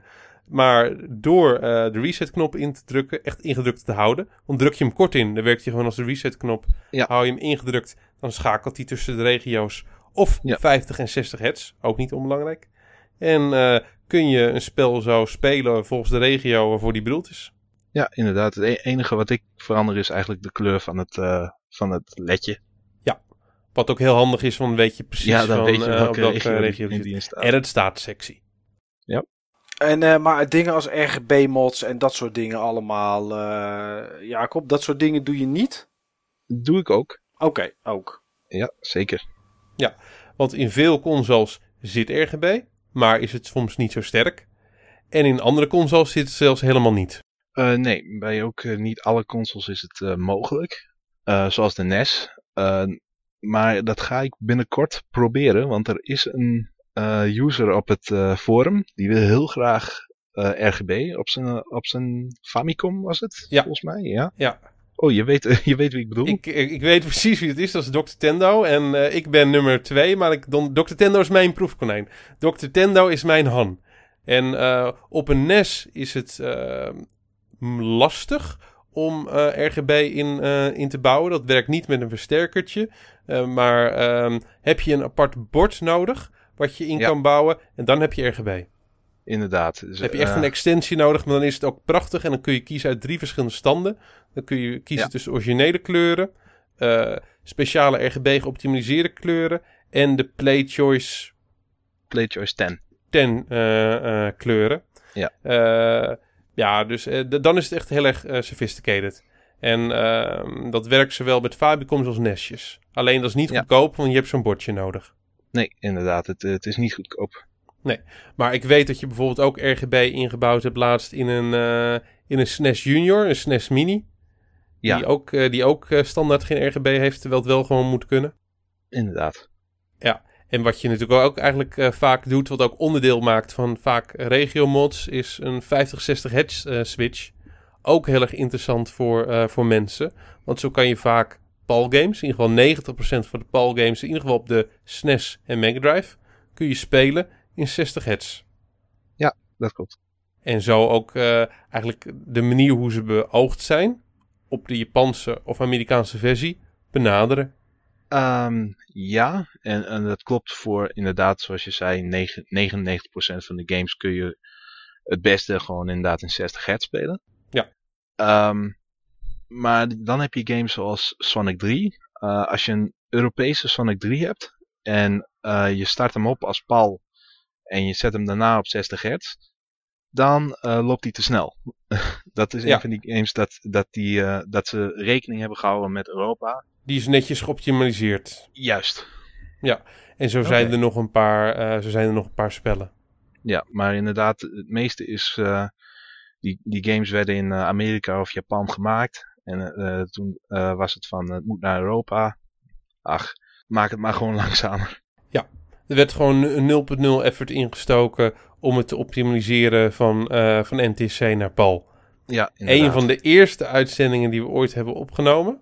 Ja, die Volgens ging mij uit mijn hoofd zelfs de eerste na de pilot. Ja. Eh, daarbij hebben we het ook gehad over de verschillen tussen, eh, tussen Amerikaanse en, en PAL-consoles. En ja, dit is precies dat verschil. En met behulp van dit soort mods kan je het opheffen. Inderdaad. Heb je ook wel eens wat exotischere mods in elkaar gestoken? Bijvoorbeeld het, eh, het opvoeren van een, eh, van een Mega Drive, wat ook mogelijk is. Ehm, nee, dat heb ik nog niet gedaan. Ja, mijn exotischste mod, eh, eh, als je het zo kan noemen, is, eh, is natuurlijk mijn, mijn Zelda Ancient Stone Tablets. eh. Oh ja, dat is wel een hele, Oh, dat ja. is een hele exotische mod inderdaad. ja. daar ben die, ik die, ook gaan we wel, ook eh, eventjes, die gaan we ook eventjes uitlichten. Ehm, Ja. Want dat, dat is een game die uitgekomen is alleen op je, in Japan, op het eh, satellietsysteem van Nintendo. Yes. Dus, dus die nooit op een kaart is verschenen. En die is gereleased in vier delen. En je save game werd dan wel bewaard. Maar dan kon je zeg maar... Als je het eerste deel gespeeld hebt... dan kwam twee of drie weken later... kwam het volgende deel... enzovoorts, enzovoorts, enzovoorts. Inderdaad, er zijn inderdaad vier delen. En eh, ja, ik, ik, eh, ik heb er wat op bedacht. en eh, eh, met mijn repro kan je alle vier de delen kiezen door eh één keer te resetten. Dus als je op deel 1 zit en je hebt hem uitgespeeld, reset je een keer. En dan staat hij op met deel 2. En neemt hij dan ook de, de save game van de vorige mee? Ja, Oké. Dat is wel Dus- netjes. En zitten er ook dip switches op die, ehm, op die eh, kaart... om bepaalde dingen te kiezen? Of werkt het puur met resetten? Nee, het werkt eh, puur met resetten. Briljant. Dat is toch tof? Ja, daar was ik eh, ook wel heel trots op toen, toen dat voor de eerste keer lukte. Ja, dat is heel tof. Dat wist ik nog niet. Ik dacht namelijk eerst van dat die werkte met switches. Maar je, ah, dat vind ik echt wel tof. Ik denk dat ik er binnenkort wel een keer eentje ga eh, bestellen zo. nou, ik, eh, ik hoor het wel. Ja, mooi cadeautje voor mezelf voor het einde van het jaar. Wat ik me nog afvroeg, Jacob. ehm, zijn alle mods die je doet nu hardwarematig of moet je soms ook softwarematig dingen aanpassen om iets werkend te krijgen? Ehm, Nee, ik, eh, je bedoelt eh, in, in de consoles, zeg maar? In de ROM. In de ROM. Ja, eh, dat heb ik wel eens moeten doen. Ehm, je hebt, eh, eh, kennen jullie Clock Tower op de Super Nintendo? Eh, ik, Ja. ken hem, ik ken hem op de PlayStation 1. En eh, dat is een Ja. vervolg van op eh, de SNES game. Eh, ja, maar je hebt ook een remake op de PlayStation 1, dus ik weet niet welke Mike bedoelt. Eh, beide. Want ik, ik ken ze Oh, beide. beide. Ja. Oh, oké. Ehm, eh, die game heeft een eh, eh, redelijk ja, sterke beveiliging. En eh, normaal is het op zich niet zo'n probleem, want dan pak ik gewoon de Europese ROM en dan, is het, dan werkt hij op een Europese SNES. Maar eh, het probleem is dat hij alleen in Japan is eh, uitgekomen. En dus alleen maar op de Famicom werkte. Ja. Eh, dus ja, daar heb ik wel eventjes eh, in moeten graven, zeg maar, voordat ik dat eh, voor elkaar had. Dat heb ik natuurlijk ook niet zelf gedaan. Ik heb ook op eh, andere forums gezeten en gevraagd van, goh, hoe zit dat? Ja. Mhm. ja, je moet ergens je kennis vandaan halen natuurlijk. Ja, en eh, ik had het ook bij bepaalde Sega games. Maar dat eh, eh, valt enorm mee. Daar staat, eh, als je die ROM eh, laat in een eh, hex editor, dan staan er drie, de eerste drie karakters ergens. eh, kan je een J, een A of een E neerzetten. Oh, Nou, jullie kunnen, jullie kunnen al Ja, raden. ik- ik snap Japan. Amer- juist. En je, Ja. en je kan ze ook alle drie neerzetten. Dus oké, dan werkt het voor alles. Dat stukje hackwerk, dat durf ik ook nog wel te zeggen dat dat binnen mijn mogelijkheden past. Ja, d- eh, maar voor de rest, eh, nee. Qua software mod ik niet zo heel veel. Wat bijvoorbeeld een, een Uni Bi- BIOS van een Neo Geo. Ja, nee, dat kan je natuurlijk ook wel zien als software. Maar moet ik natuurlijk wel even erbij zeggen dat ik, ik die software niet maak. Die eh, heeft uh, en klaar. Ja, die heeft een Razula gemaakt. In Zweden woont hij volgens mij. Oké, oké, cool. En, eh, Leuk dus dat, dat veel mensen zich zo hiermee bezighouden. Dezelfde Ja. vraag eigenlijk die ik ook bij Han stelde. Hoe ben jij hier eigenlijk mee begonnen? Eh, Han deed vanuit creatief oogpunt. Ik denk dat het bij jou niet vanuit creatief oogpunt begon. Eh, nee, ik ben in tegenstelling tot Han niet zo creatief. Nee. Hoewel, hoewel die, die, die Zelda-kaart vind ik, ja, vind ik toch wel een beetje creatief van mezelf. Dat is ook creatief. Ja, zeker. Eh, hoe ben ik begonnen? Ik, eh, ik had door omstandigheden eh, kon ik een jaar niet naar school. En eh, dat is niet eh, vanwege mij of zo. Nou, om- een lang verhaal kort te houden, het was niet mijn schuld. lag, aan, lag aan de school. Dus ik had een jaar niks te doen. En toen ben ik naar een kameraad van me gegaan. En die heeft onder andere bij Philips gewerkt. En die heeft een lange carrière achter zijn rug. En ik wist dat het mogelijk was om die Super Nintendo games te maken. Dus ik ben naar, is naar hem toegelopen en ik zeg van... Hey, eh, help me daar eens even mee. En hij, hij heeft mij de, de basis een beetje uitgelegd. Eh, nou, eh, toen ben ik nou, wel, wel drie avonden bezig geweest om een, mijn eigen F-Zero te maken. Maar wel, wel rewarding op het moment dat hij het deed natuurlijk. Je hebt geen idee. Het was volgens mij vier uur s'nachts en iedereen sliep al. En ik doe die cassette in mijn Super Nintendo en dan komt in één keer F-Zero eh, op het scherm. Nou, geen één game kan er tegenop.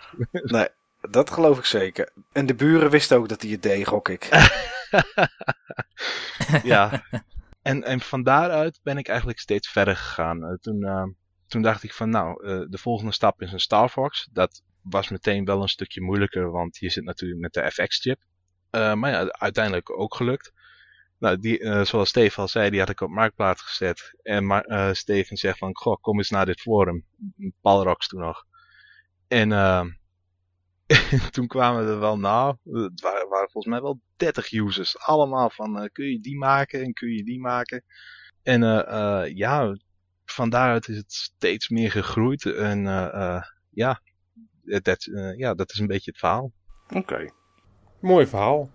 Ja, Mooi ik, verhaal. ik kan me Ja. de lange bestellingen in de topics nog eh, herinneren inderdaad. Oh, ja, de- de- ik moest op een gegeven moment echt wachtlijsten maken inderdaad. Van dan Ja. is eh, eh, die en dan is die. Ja, ja Steve had wel, had wel eh, iets losgemaakt. Ja, daar, daar hou ik van. Dingen losmaken. ja, dus ehm, ik, heb, ik heb zo meteen nog, eh, nog vragen aan jou, eh, Jacob. Maar ik heb eerst nog wat, wat vragen aan, eh, aan Han. Ehm, j- jij hebt nu best wel veel dingen gemod, eh, Han. Mhm. Ehm, je hebt best wel veel dingen eigenlijk een eh, compleet ander eh, uiterlijk eh, gegeven. Wat zijn de dingen die je anders bent gaan doen in je mod-carrière? Dat is wel een hele goede vraag. Eh, Dat is typisch Steve. ja, en bedankt. Ja, anders ben ik gaan doen. En misschien andere materialen of zo, maar voor de rest eh, ben ik niet veel anders gaan doen. Geen andere werkwijze of dat je dacht van in het begin dan knipte ik de sticker uit en tegenwoordig snij ik het uit of doe het met een laser of eh, weet ik veel Nee, wat. ik, ik, doe, ik doe echt alles met de hand. Ik doe niks met lasers of wat dan ook. Want eh, als ik dat zou moeten gaan doen, dan kost alles klauw met geld en dan moet ik er nog veel meer voor vragen. Ja. En het is al moeilijk af en toe om ze te verkopen. Dus ik doe echt alles met de hand. Eh, ik photoshop ook mijn eigen eh, stickers en weet ik veel wat allemaal. Ja, want ik, Ja, ik zat net te kijken en dan zag ik bijvoorbeeld een, een SNES met de Contra, eh, Contra erop. Om, om ervoor te zorgen dat je een beetje goede kwaliteit sticker of iets hebt om daarop te plakken. Dan ben je vaak wel even, komt ie hè, aan het hannessen. Briljant, Mike, briljant. Ben je naar die Contra NES aan het kijken? Eh, ja, daar zat ik net eventjes naar te kijken inderdaad, ja. Ja, daar ben ik wel even mee bezig geweest om al die pixeltjes netjes in een vierkantje uit te snijden. Ja, Ja, maar ook te printen en dat het, eh, dat het wat je print natuurlijk een goede kwaliteit is. Dat, daar, het lijkt me Mhm. dat daar een hoop tijd in gaat zitten. Eh, ja, ik, ik bestel mijn stickers natuurlijk wel. Ja. Eh, als ik het zelf zou moeten gaan doen, dan moet ik eerst een apparaat van een paar duizend euro kopen. En, Oké, Daar pas ik voor. ja, snap ik. En hetgene waar ik ze vandaan haal, die levert gewoon goede kwaliteit. Hij is ook krasvrij, UV-vrij, dus het zal ook niet verkleuren. Oké, dat is wel Zeggen goed om te Ja, ja, goed, dat zullen we over een paar jaar weten waarschijnlijk. Ja, precies. Eh, ja, wat ik anders ben gaan doen. Natuurlijk ben ik wel wat anders gaan doen. In het begin eh, wist ik er nog niet zo heel veel vanaf, alle werkwijzes. En dan heb ik vooral gekeken naar eh, Custom Nest Guy. Ik weet niet of jullie die wel eens hebben gezien. Nee, Nee. ik niet. Ah, nou, dat is een uh, customizer uit Amerika. Daar ga ik ook eh, vrij goed mee om. Wij eh, leveren elkaar wel eens spulletjes. En eh, we lenen ook mekaars designs wel eens. Zoals die, eh, die Contra design die je hebt gezien, die heb hij ook gemaakt. Maar dan met net even andere plaatjes erop en zo. Oké, Maar een klant vroeg erom, dus altijd eventjes naar hem vragen van mag dat? Ja, is goed. Ah, Oké, prima. Zo gaan we dus dan wel weer met elkaar om. Maar hij heeft me wel een hoop dingen geleerd. Zoals als je bijvoorbeeld een, eh, een nest nu zou spuiten. Zonder ook maar, of als je hem ook maar een klein beetje schuurt of wat dan ook. Dan zal je zien dat het ding overal deuken heeft. Nou, dat wist ik in het begin natuurlijk niet. nee. Eh, dus je moet hem echt eerst helemaal vlak schuren. Alle vlakken die erop zitten moeten echt helemaal vlak. En als je hem dan gaat spuiten is hij maar glad. Als je het niet doet, heb je sowieso bovenin, in alle vier de hoeken, heb je allemaal putten zitten. En aan de zijkant heb je allemaal strepen en allemaal vanwege die schroeven die erin zitten. Ja, dat heb ik dan wel weer geleerd, maar ja, verder eh En als, ik en als ik naar die NES kijk, hè, voorop heb je natuurlijk Nintendo en dan Entertainment System erop staan. Dat, dat, heeft, dat heeft vaak een andere kleur dan het klepje, want anders zie je het niet. Is dat, is dat ze spuit je hem helemaal zwart en kleur je dat dan later opnieuw in? Eh, ik doe bijna alles met stickers. Oké. Eh, en het is gewoon ook echt klote werk om die Ja, het, als ik, stickertjes uit, uit te snijden en alles. Ja. Maar als het er eenmaal op zit, dan eh, ziet het er wel goed uit, volgens mij. ja, Ja, en, na de stickers gaan er ook nog aardig wat lagen lak overheen. Om ervoor te zorgen dat het zowel beschermd wordt als dat het mooi integreert in het geheel. Dus in plaats van dat je blijft haken met je vingertjes, als je er overheen glijdt, is het dan mooi glad. Als ik nou een, Werkt eh, echt goed trouwens, werkt echt goed. als ik nou een PS4 naar je opstuur, Han. Lukt dat, eh, zeg je van, ja, pak ik hem ook aan? Of, of, of is het meer oud wat je, wat je aanpakt? Of maakt je eigenlijk niet uit? Het maakt me niet zo heel veel uit, maar ik weet niet of ik een PS4 al aan zou durven. Zeker omdat het nog heel nieuw is. Ja, En ik heb zo'n ding zelf nog nooit in mijn handen gehad. oké. Mooie kans, Han. Nou, Ik zou er gewoon lekker eventjes over doen dan. En ook lekker de tijd nemen om er zelf flink mee te spelen. Nou, Eh, ja. nou, ik ga het niet laten doen, eh Steve. Als je het niet erg vindt. Ik vind het wel heel knap en heel mooi. Maar ik, ik hou ze gewoon zoals ze zijn, zeg maar. Behalve dan ooit die sticker op die PlayStation 1. Maar Ja. het was in, een PS4 zou ik dat ook zeker doen. Mooi strak ding. Dat vind ik mijn PS4 net een beetje zonde nog. ja, Nou, dat vind ik ook. Ja. Moet je gewoon mooi zwart laten of. Of wit als ze uitkomen. ja, die zijn er nu sinds een week, inderdaad. Maar eh, nee, dat is. eh, maar wat is de meeste. Is het, is het meestal NES en SNES en dat soort dingen die je krijgt? Of krijg je wel eens een Xbox 360 of dat soort dingen? Eh, ik heb het nog niet zoveel gevraagd gehad. Maar ik denk dat het ook meer komt door het publiek wat mijn paginaatje trekt. Ja. En dan zal je niet zoveel nieuwe console gamers hebben. Of ze gamen het wel, maar ze zullen die console niet geven. Nee, wel controllers, dat dan weer wel. Voor PlayStation 3 en zo, dat is regelmatig gevraagd. Oké. Maar ik kan er niet zo heel veel mee met de PlayStation controller. Nee, er zitten vrij weinig hele grote vlakken op natuurlijk. Ja, Ja, dat is wel zo. Ze zitten behoorlijk vol met, eh, eh, met knoppen natuurlijk. En dan ja, is weinig ruimte voor. Ja, er zitten ook heel veel eh groefjes en iets diepere, dieper liggende stukjes in zo. Vooral om de knopjes en alles. En dan, dat werkt gewoon niet. Nee. Het kan wel. Je kan natuurlijk een leuk kleurtje geven en een leuk tekstje in het midden. Misschien op die eh, handvaten wat leuks. Maar dan houdt het ook gauw op. Ja. Ik, en, en is het, eh, want ik ken iemand die eh, ook die mod controllers. Een, Mhm. een, een dame is dat uit Amsterdam. Ehm, en die heeft bijvoorbeeld een keer voor Ubisoft heeft ze van de Xbox 360 controller had ze Splinter Cell controllers gemaakt. Waarbij bij één knopje volgens mij, ik weet niet meer precies welke het was, maar daar zat een groen lampje onder. En die andere zijn dan zwart. Dus die doet meestal wat met, met lampjes en lichtjes en dat soort dingen. Is dat Ja. iets wat, jij, wat, je, wat je ook doet of zou willen doen nog in de toekomst? Eh, ik, dat kan ik. Ik heb het ook al voor de NES gedaan. Oké, Het, eh, bijvoorbeeld het eh, Nintendo logootje ligt dan op. oké. Oh, dat is wel sexy. Ja, en dat is gewoon, eh gewoon een ledlampje erin en dan eh, met een kleurtje en, eh, en branden met die handel. Even enorm priegelen, maar het gaat allemaal goed lukken, ja. ja, oké. Ah, dat is wel, eh, dat is wel, dat is op zich wel interessant. Ja. Steve, je mag weer hoor van mij. Dat waren Ja, mijn vragen. goed. Klinkt goed. Ehm, ik heb nog wel wat een, eh, een vraag aan, eh, aan Jacob. Want behalve zeg maar consoles eh, te verbeteren, kun je ook consoles repareren. En er zijn denk ik toch wel wat consoles die regelmatig om reparatie vragen. Ik noem een Game Gear. Je, bijvoorbeeld, ja, dat is een, no een notoire zwakke broeder, inderdaad, ja. Ja, dat, dat, dat klopt, ja. En, en wat zijn dan eh, patiënten die regelmatig binnenkomen? Nou, de, de, de, de kampioen is natuurlijk eh, de Xbox 360. Ah, dat, dat, die zagen jullie natuurlijk wel aankomen, hoop ik. Ja, dat is in ieder geval qua consoles die in omloop zijn, denk ik wel eentje die regelmatig eh, binnenkomt voor een, eh, voor een beurtje. Ja, het is, eh, ik, eh, ik werk ook bij een gameshop. Als ja, repair guy, zeg maar, noem ik het maar even. En ehm, ja, die, die Xbox 360, die hebben al voor veel ellende gezorgd. Om het maar zo te zeggen. Zouden die 360's nou nog veel geld waard worden? Dat er ik- straks gewoon vreselijk weinig van over zijn. Dat zal een stuk gaan. Wie- weet. Het, het is wel zo, nu al zo dat eh, in de winkel waar ik werk, eh, eh, als iemand komt om een 360 in, in te leveren, dan eh, als het een 2006, eh 7 of 8 model is, dan is het, eh, nee, die nemen we al niet meer in. nee, dat dacht ik al wel. Wat, wat, Kan ik me wat bij de voorstellen. meeste problemen zijn waarschijnlijk de Red Ring of Death. Ja, absoluut. En de CD-ROM drive. Eh, ja, inderdaad. Eh, dat zijn er wel de twee grootste boosdoeners. En ik heb ze allebei gehad.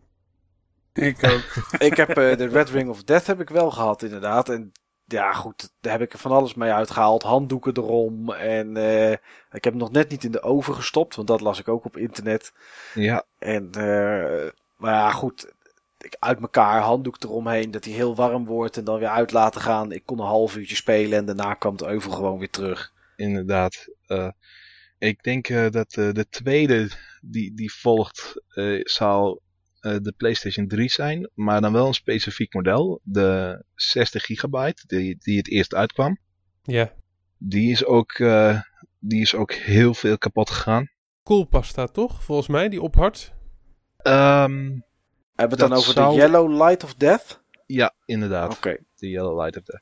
Er zijn ook wel veel 40 gigs, maar de 60 gig, die... die... Ik had een eh, collega, die kwam eh, stage lopen. En eh, die had een 60 gig. En ik zeg van, moet, je- moet je opletten. In, die, in dit jaar dat jij je stage loopt, gaat die kapot. En eh, ja, mijn voorspelling kwam uit. Oh, dat zal hij wat dankbaar zijn geweest. Ja, het, was wel, het waren wel profetische woorden. Ja, dat wel. ja, werk, ik werk nu al best wel lang daar. En ik weet, nu- ik weet nu wel een beetje wat qua, van die consoles wat goed is en wat slecht is. En die 60 gigabyte, het is heel aantrekkelijk, want het is PS2 backwards compatible en uh, al, allemaal dat soort dingen. Maar hij gaat, hij gaat een keer. Ja, een keer is het gewoon over. Ja, en uh, uh, ik, weet, ik heb de details wel, maar ik weet niet of jullie daar geïnteresseerd in zijn, waardoor dit komt. Het is iets met oververhitting toch wel, of niet? Ja en nee, het, het, het heeft er wel mee te maken. Um, wat het uh, probleem is, is het, de soldeertin onder de GPU, dus de grafische processor zeg maar. Ja. Daar is op bezuinigd. Oké. Okay. door, door zowel PlayStation als Xbox. PlayStation iets minder dus, in latere modellen. Maar daar zit te weinig lood in. En wat er gebeurt door het warm worden, koud worden, warm worden, koud worden, is er komen scheurtjes in de kleine soldeerbolletjes onder de processor. En om het eigenlijk echt weer helemaal goed te krijgen, moet je de processor eraf halen en nieuw soldeertin erop doen met wat meer lood erop en de processor er weer op doen. Oké, okay. ja, dat weet ik nog wel uit de tijd van de Red Ring of Death voor de Xbox 360.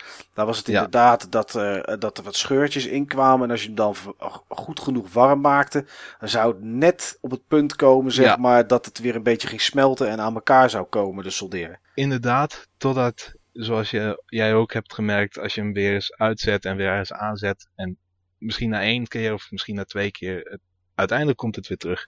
Ja, ik heb ook nog iets met gummetjes gedaan eronder.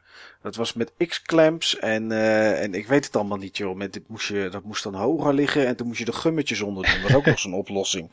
Ja, er zwerfde toen he een heleboel uh, fixes uh, rond. Ja, het, maar werkt het allemaal niet. Ja, gewoon, nee. gewoon een nieuwe kopen, gelijk met HDMI erin. En, ja, dat, dat, dat, dat werkt nog het beste volgens mij. Ja. Of, of een Xbox 360 Slim natuurlijk, want die, die komen niet veel bij mij op de afdeling. Die zwarte, nee. Nee, die zijn nee. volgens mij wel uh, al redelijk stabiel. Ja, ze hebben, er, ze hebben er wel van geleerd. De vraag is waarom je al die retro games speelt. Vroeger was gewoon alles beter. Ja. Nou ja, als ik mijn NES aanzet, moet ik toch regelmatig met een cartridge van links naar rechts rammelen en... Uh, en, en blazen. En blazen, wat natuurlijk niks, uit, wat niks ja. helpt, maar... Uh, maar wel een beetje naar links en naar dat rechts. de kat wijs, uh, Mike. Het werkt als een tietman. Nou, weet je, ik, ooit hè. En dus even heel een beetje afstappen van dit is, uh, is werkte ik op uh, werk nog steeds bij een, bij een ICT-bedrijf en daar hadden ja. was ook een, uh, een installatieafdeling en de jongens moesten een nieuwe videokaart installeren en die hadden de videokaart in de PC geschroefd, dus een beetje zoals jij Steve, alleen bij jou ja. ging die in één keer goed doen. En ja. uh, bij die jongens ging het niet goed. En zeiden van ja, hij doet het niet. En uh, we snappen niet waarom. Dus ik zei, nou, ik kom wel even kijken. En ik haal die videokaart eruit. En ik kijk ernaar. En ik zeg, ja, ik zeg, zie het probleem al. Ik zeg, hebben jullie wel aan de connector van de videokaart gelikt? Nou, die gast, gasten zijn natuurlijk van, nou ja, bunschoten, rot op en, en, en doe normaal. Ik zeg, nee. Ik zeg, heb je eraan gelikt? Nee, ja, tuurlijk hebben we er niet aan gelikt. Dus ik maak mijn tong extra nat. Ik lik aan de, aan de connector van de videokaart. En uh, ik stop hem in de PC, ik zet hem aan en hij werkt.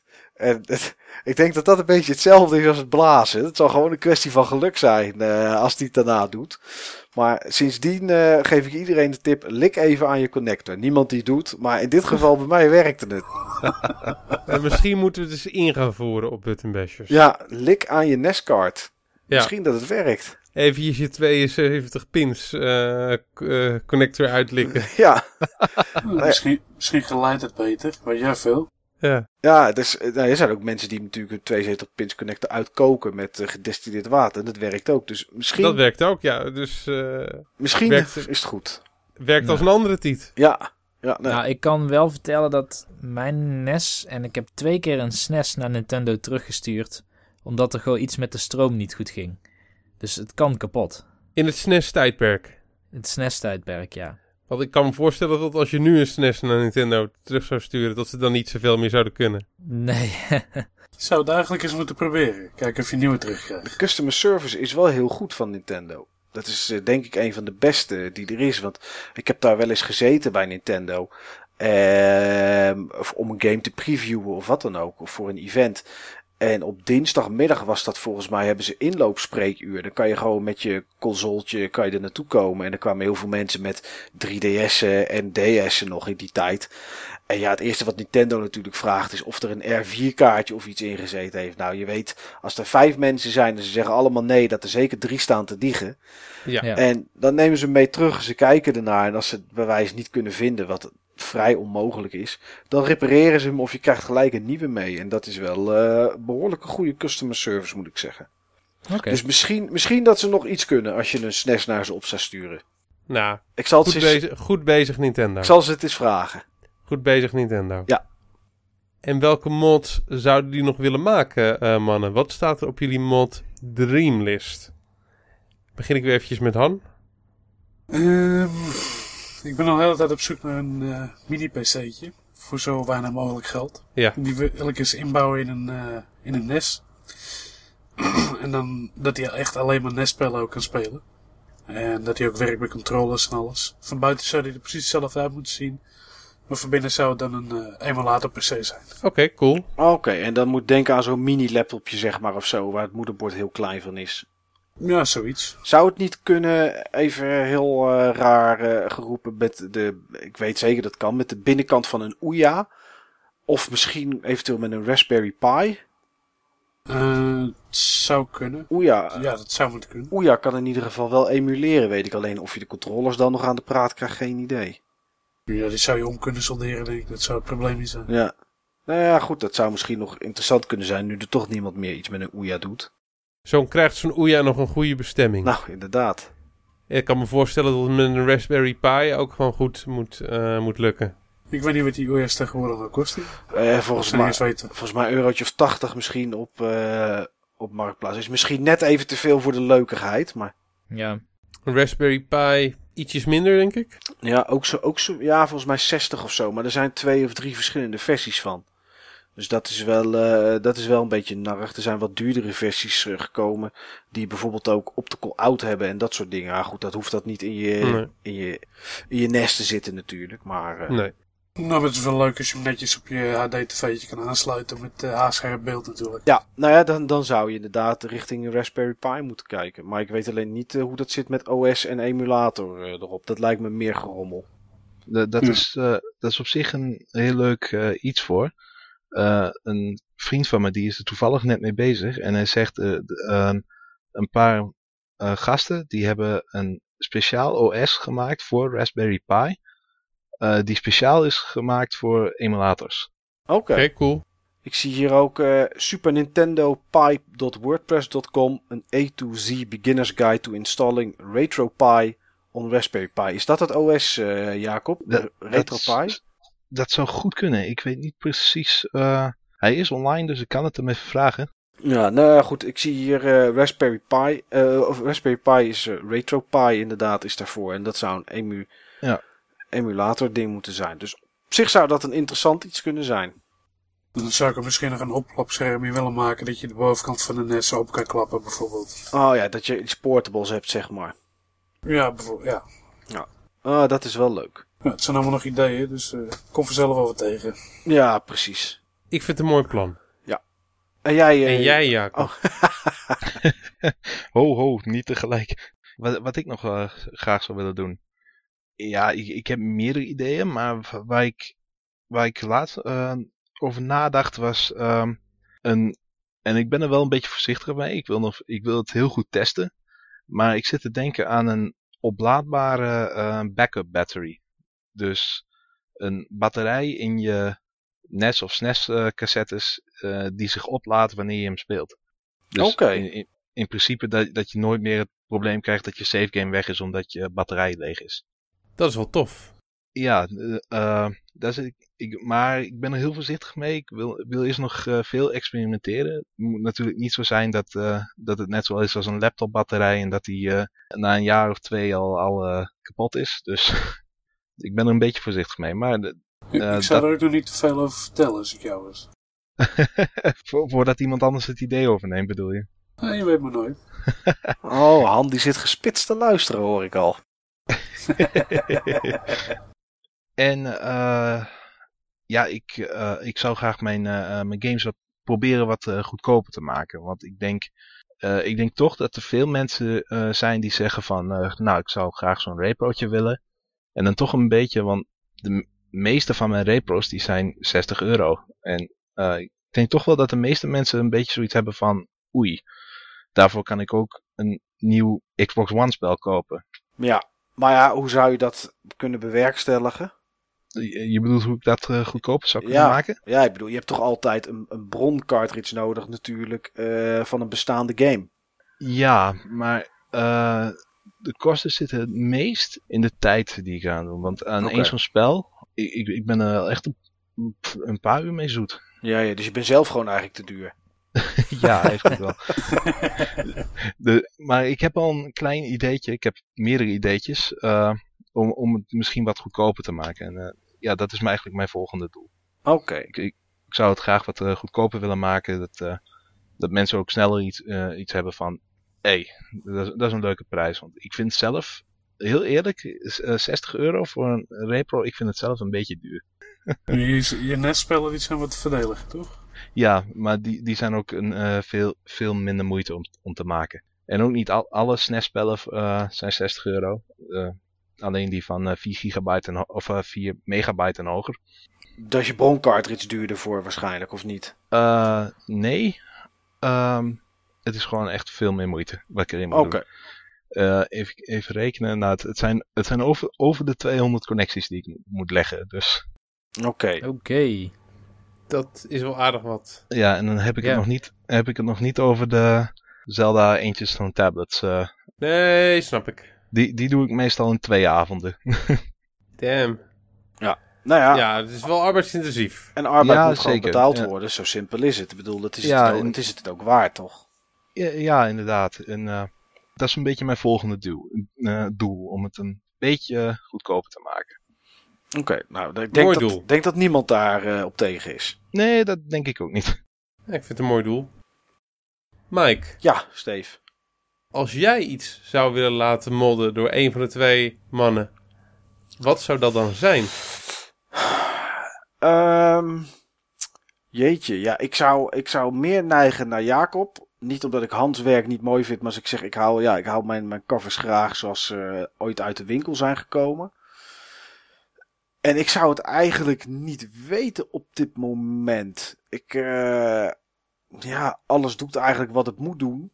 Nou ja, misschien, misschien, maar goed, die zou ik misschien zelf ook nog wel kunnen doen. Is, die, is, die, is het pinnetje doorknippen van mijn NES, zeg maar. Maar daar, daar heb ik op zich Jacob denk Ja. ik niet voor nodig. Dat moet De zelf. oermod.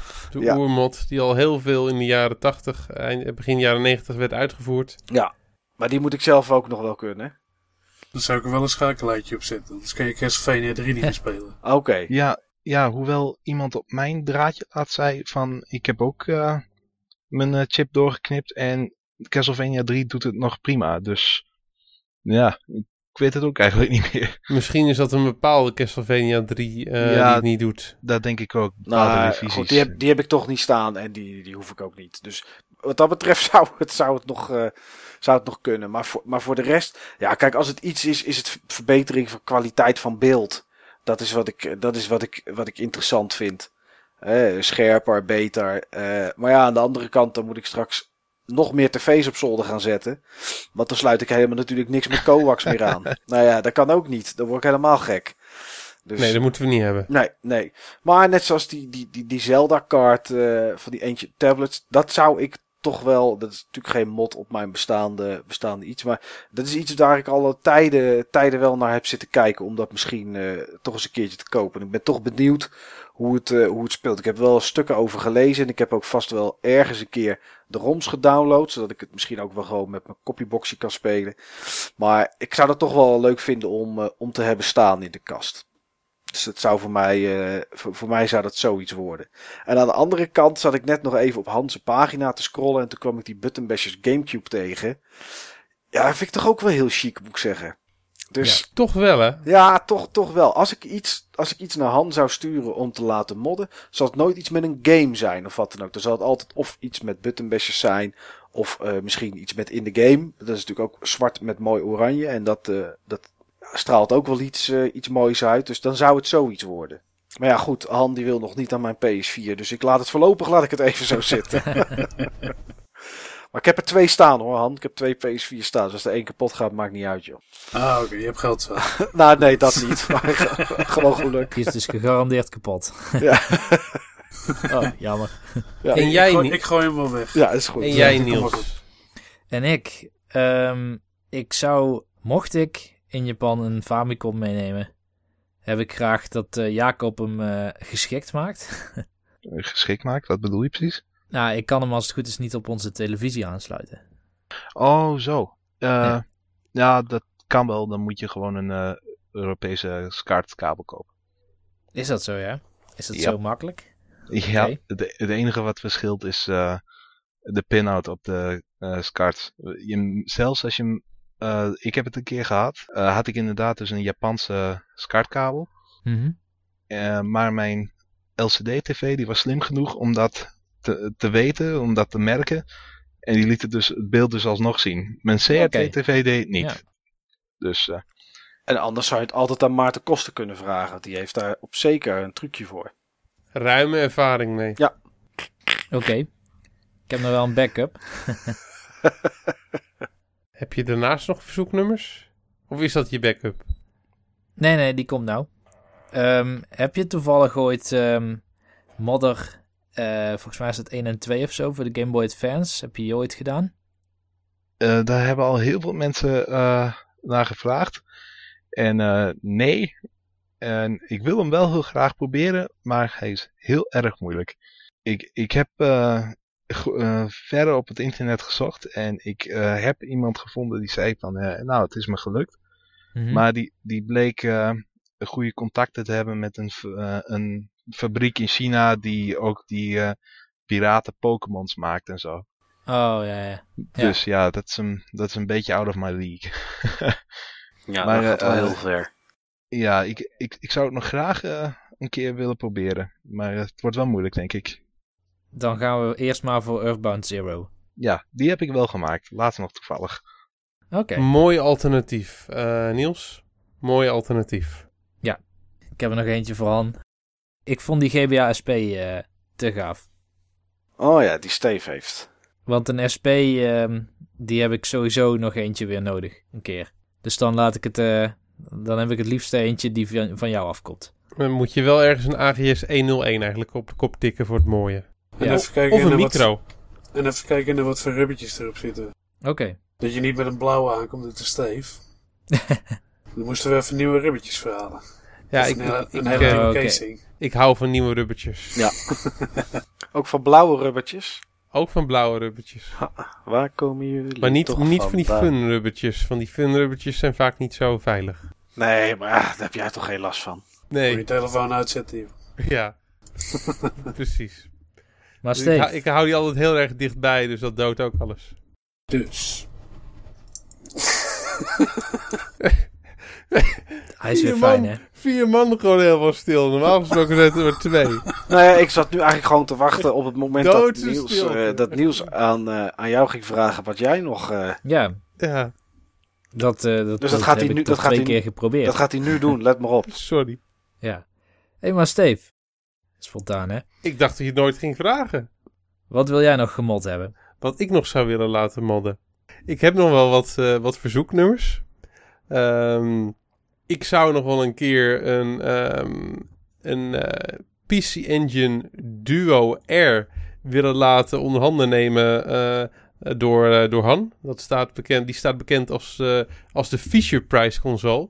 Dat ding is zo godsgruwelijk lelijk qua kleurstelling. Dat is zo'n vreselijk lomp ding. Oh, dat is die witte, is dat of niet, Steve? Dat is die witte inderdaad, ja. Ja. En daar zou ik dan zowel de console als de controller door voor eh onder handen willen laten nemen. En dat is echt wel nodig. Dat lijkt wel op een, eh, een lelijke Super NES. Ja, een, lele- een lelijke afgeronde Amerikaanse Super NES. Ja, een lelijke SNES 2. Laat ik het zo Ja, klopt. Het ding is echt godsgruwelijk lelijk. En eh, ik, wellicht is er daar zo nog iets van te maken. Wellicht ook niet. Misschien is het ding gewoon niet te redden. Anyway, ik heb er geen. Dus eh, dat is nu niet aan de orde. Maar daarom heb ik altijd zoiets. Als ik er ooit eentje heb, dan moet dat ding gewoon een pinbeurt krijgen. Want het ding is gewoon echt om, om te huilen zo lelijk. En voor, Voor Jacob heb ik nog wel aardig wat eh, verzoeknummers. Ja, nu ik je toch spreek. Ik zou nog wel een keer mijn, eh, mijn Mega Drive willen laten uitbreiden met een, eh, met een Mega Amp. Een Mega Amp maakt het geluid veel beter. Mega amp. Ehm, ja, een Mega Amp die ehm, zorgt ervoor dat het geluid ongefilterd uit je console komt. En dat maakt het echt veel en veel helderder. En zo hoor je ook veel beter wat er qua geluid in zit. En dat is echt onverwacht goed. Ehm, je hebt eh, een mod die eh, zeg maar ehm, het geluid van de Mega Drive 2 op niveau kan brengen eh, van de Mega Drive 1. En dit gaat er dan nog net een stap boven. Die maakt het geluid zowel van de Mega Drive 1 als van de Mega Drive 2 beter dan wat er echt uitkomt. Dat is één. Oké. Daarnaast zou ik nog wel een eh, Mega Drive 2, eigenlijk dezelfde Mega Drive 2, ehm, de mogelijkheid willen hebben om hem te overklokken. Sommige games hebben last van slowdown op, op de Mega Drive. Ehm, bijvoorbeeld eh, Sonic the Hedgehog als je een split screen speelt, of Thunder Force. En zo zijn er nog wel een, eh, een aantal. En met zo'n eh, met zo'n apparaat kun je, eh, sorry, met zo'n apparaat, met zo'n schakelaar kun je hem eh, overklokken, waardoor die beter speelt. Klopt. Dat is twee. Daarnaast zou ik op mijn Master System nog wel een FM-bordje willen laten inbouwen. Zodat je gebruik kan maken van het Japanse FM-geluid. Wat in eh de Japanse Master System eh, zit. En wat ze in het Europese Amerikaanse model eruit hebben gesloopt. Ja. Wat in, wel in 90% van de spellen gewoon nog op de kaart zit. Ook de Europese en de Amerikaanse kaarts. Dus ook wel een eh, eentje die op mijn wishlist staat. En daarnaast ben ik bang dat mijn huidige PC Engine binnenkort misschien een reparatie nodig heeft. En tot eentje van de. En tot één of meerdere van de capacitors vervangen moeten worden. Want Ja, het geluid is soms slecht bij ehm, wanneer ik hem net aanzet. En dat gaat weg als ik dan vijf of tien minuten speel. ja, dat klinkt als een capacitor inderdaad. Ja. Is dat moeilijk? Nee. Gelukkig. Gelukkig. Want Is mijn dat duur? nou, dat maakt niet zoveel uit, want mijn PC Engine is echt mijn, is echt mijn baby. Dat Ja, eh, dat doet me al pijn om eraan te denken of dat hij gewoon een paar weken dan weg is. Of eh, nou, een paar weken zal wel meevallen. eh, puur gewoon het idee dat ik hem in een doos moet doen en dat hij dan gewoon niet bij mij is. Ja, dat, eh, dat, dat, dat, voel ik, dat voel ik wel inderdaad, ja. Maar eh, eh, dat, dat klopt, zeg maar, dat, dat, dat, dat geluid dan zeg maar eventjes warm moet worden of zo. Ehm, ja, nee, dat is niet de goede verwoording. Het is. condensators die, die hebben een eh, ehm, bepaalde vloeistof in, in zich. Ja. Wat bepaalt ja, hoe, hoeveel capacitance, ik weet even het Nederlandse woord niet, eh, die is. En eh, naarmate van tijd, dat is ook wat er gebeurt in de Game Gear trouwens. Ja. ehm, gaan ze lekken of eh, de, de vloeistof eh, verdampt gewoon. Ja. En dan wordt de capaci- capacitance wordt, eh, hoger of lager. Dat moet je me even niet. Dat weet ik even Ja, niet. dat boeit op zich dan niet. Eh, in ieder geval, dan krijg je dit soort verschijnselen inderdaad. Dat is eigenlijk hetzelfde wat er gebeurt in de Game Gear. En bij de Game Gear gebeurt het heel erg, omdat toen, eh, toen de tijd dat die werd gemaakt, was er heel erg eh, concurrentie in de elektronica scene. Ja. En Sega is toen met de allergoedkoopste gegaan. En ja, die gaan lekken en dan doen ze het niet meer. Oké. Ja, zonde. En volgens mij is dat toen met eh, verschillende modellen van de TurboGrafx en de PC Engine ook gebeurd. In ieder geval de latere modellen, zoals de PC Engine Duo. Dat zou heel goed kunnen. Ja. Oké. Nou, dan weet je in ieder geval dat er binnenkort misschien een patiënt jouw kant op komt. Heb, heb ik nog één vraag eh, over, zeg maar, dat probleem wat ik heb. Kan dat kwaad als ik daar nog eventjes mee door zou spelen? Kan het ook bijvoorbeeld mijn moederbord aantasten? Nee, ik, ik zou zeggen van niet. Nee, Oké. Oké, maar dan eh, die komt binnenkort een keer jouw kant op. is goed, ik zie hem wel. Nou, dan denk ik dat we heel veel mods besproken hebben. En dan denk ik ook van dat eh, onze luisteraars heel veel gehoord hebben. Waarvan ik denk dat niet veel mensen dit wisten. Dat het allemaal kon en mogelijk is. Ik hoop in ieder geval dat er voor veel mensen een nieuwe wereld is opengegaan. Ik vind in ieder geval een mooie wereld. Want ik hou ervan om dingen te tunen, te pimpen, beter te maken. Ik ben een geboren perfectionist. Vandaar ook dat ik zoveel waarde hecht aan Niels en Mike. Dat zijn voor mij de perfecte podcastpartners. Jeetje, wat een ontroerende woorden, Steve. Ja, Ben je toch een liefje, jongen? Soms wel. Wanneer niet? Ah, laat ook maar. Als je niet kan winnen met Carcassonne, je moet de spelregels eh, verdraaien. Ja hoor, dat komen ze weer mee hoor. Ik was moe en ik had een beetje gedronken. Ja, ja Ja, maar, maar wat uit. wel is, hij vertelt het dan wel op zo'n ontwapenende manier. Dat je ook weer niet er iets tegenin kan brengen of zo. Nou ja, ik geloofde hem. Ik had het nog nooit gespeeld. Ik heb het spel geloof ik al drie, vier jaar op de plank staan, maar ik had het nog nooit gespeeld. Dus ik kon er ook weinig tegen inbrengen. Dus ik geloofde Steve gewoon. Ja jongens, we hebben het eigenlijk niet over mijn mods gehad, hè. Over mijn, eh, mijn modchips die ik overal... Ah, moet het ook niet over hebben. Ze is grijs, eh, grijs slecht verleden ook. Maar ik heb het wel gedaan.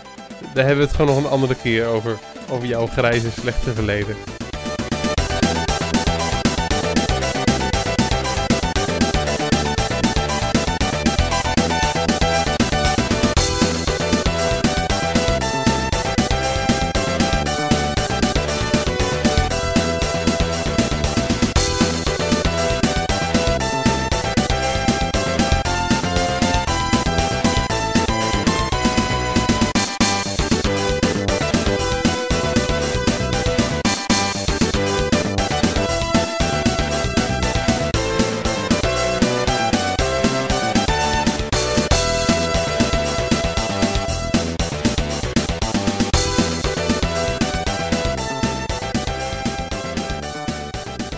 Bedankt voor deze marathon-uitzending. Met, eh, met vijf man. Ja, Het eh, was me genoegen. Ik vond het een hele leuke uitzending. Ik, eh, ik hoop ook dat het een, eh, een opmaat is naar de uitzendingen van de komende tijd. Die we weer met hogere frequentie eh, eh, op gaan nemen. En ik vond het een waardige afsluiting van seizoen 2 van Buttonbashers. oh dat stopt weer bij 40. Of bij Want we hebben, er weer, eh, we hebben er weer eentje op zitten. eh weer 20 uitzendingen. Ik ken geen enkele tv-serie en ik kijk er enorm veel die 20 afleveringen per seizoen doet, Steve. Nou, je moet toch ergens uniek in zijn. Oh ja, nou dat eh, is dan bij deze gelukt Ja, inderdaad. en eh, de prietpraat, de, eh, de meligheid, maar ook gewoon de, de kennis die we met z'n allen toch weten te verzamelen. En het plezier wat we, eh, dat we uit weten te stralen met z'n drieën en onze gasten. Dat is natuurlijk iets wat ons uniek maakt, maar ook de aflevering in onze seizoenen. Nou mannen, dan rest mij niks anders dan jullie te bedanken voor deze uitzending. Net als onze gasten. En dan gaan wij ons opmaken voor de komende uitzending. Maar dat gaan jullie nog allemaal horen. Tot de volgende keer. Het leven, het leven begint bij 40. Wat was dat? Ik zet mijn telefoon even uit. Oh, bedankt Oh, hoor. Daar nou is hij zo blij mee. Daar is hij zo blij mee dat hij die eerste blooper al te pakken heeft op het moment dat ik nog maar twee seconden praat. Dit gaat allemaal zijn archief in hoor. En zijn archief, het merendeel, dat ben ik. Dat kan ik je wel zeggen. Ja. Dan moet ik mezelf weer bij elkaar vegen. Zet hem op, Steve. Prima. Het leven? Het leven begint bij 40.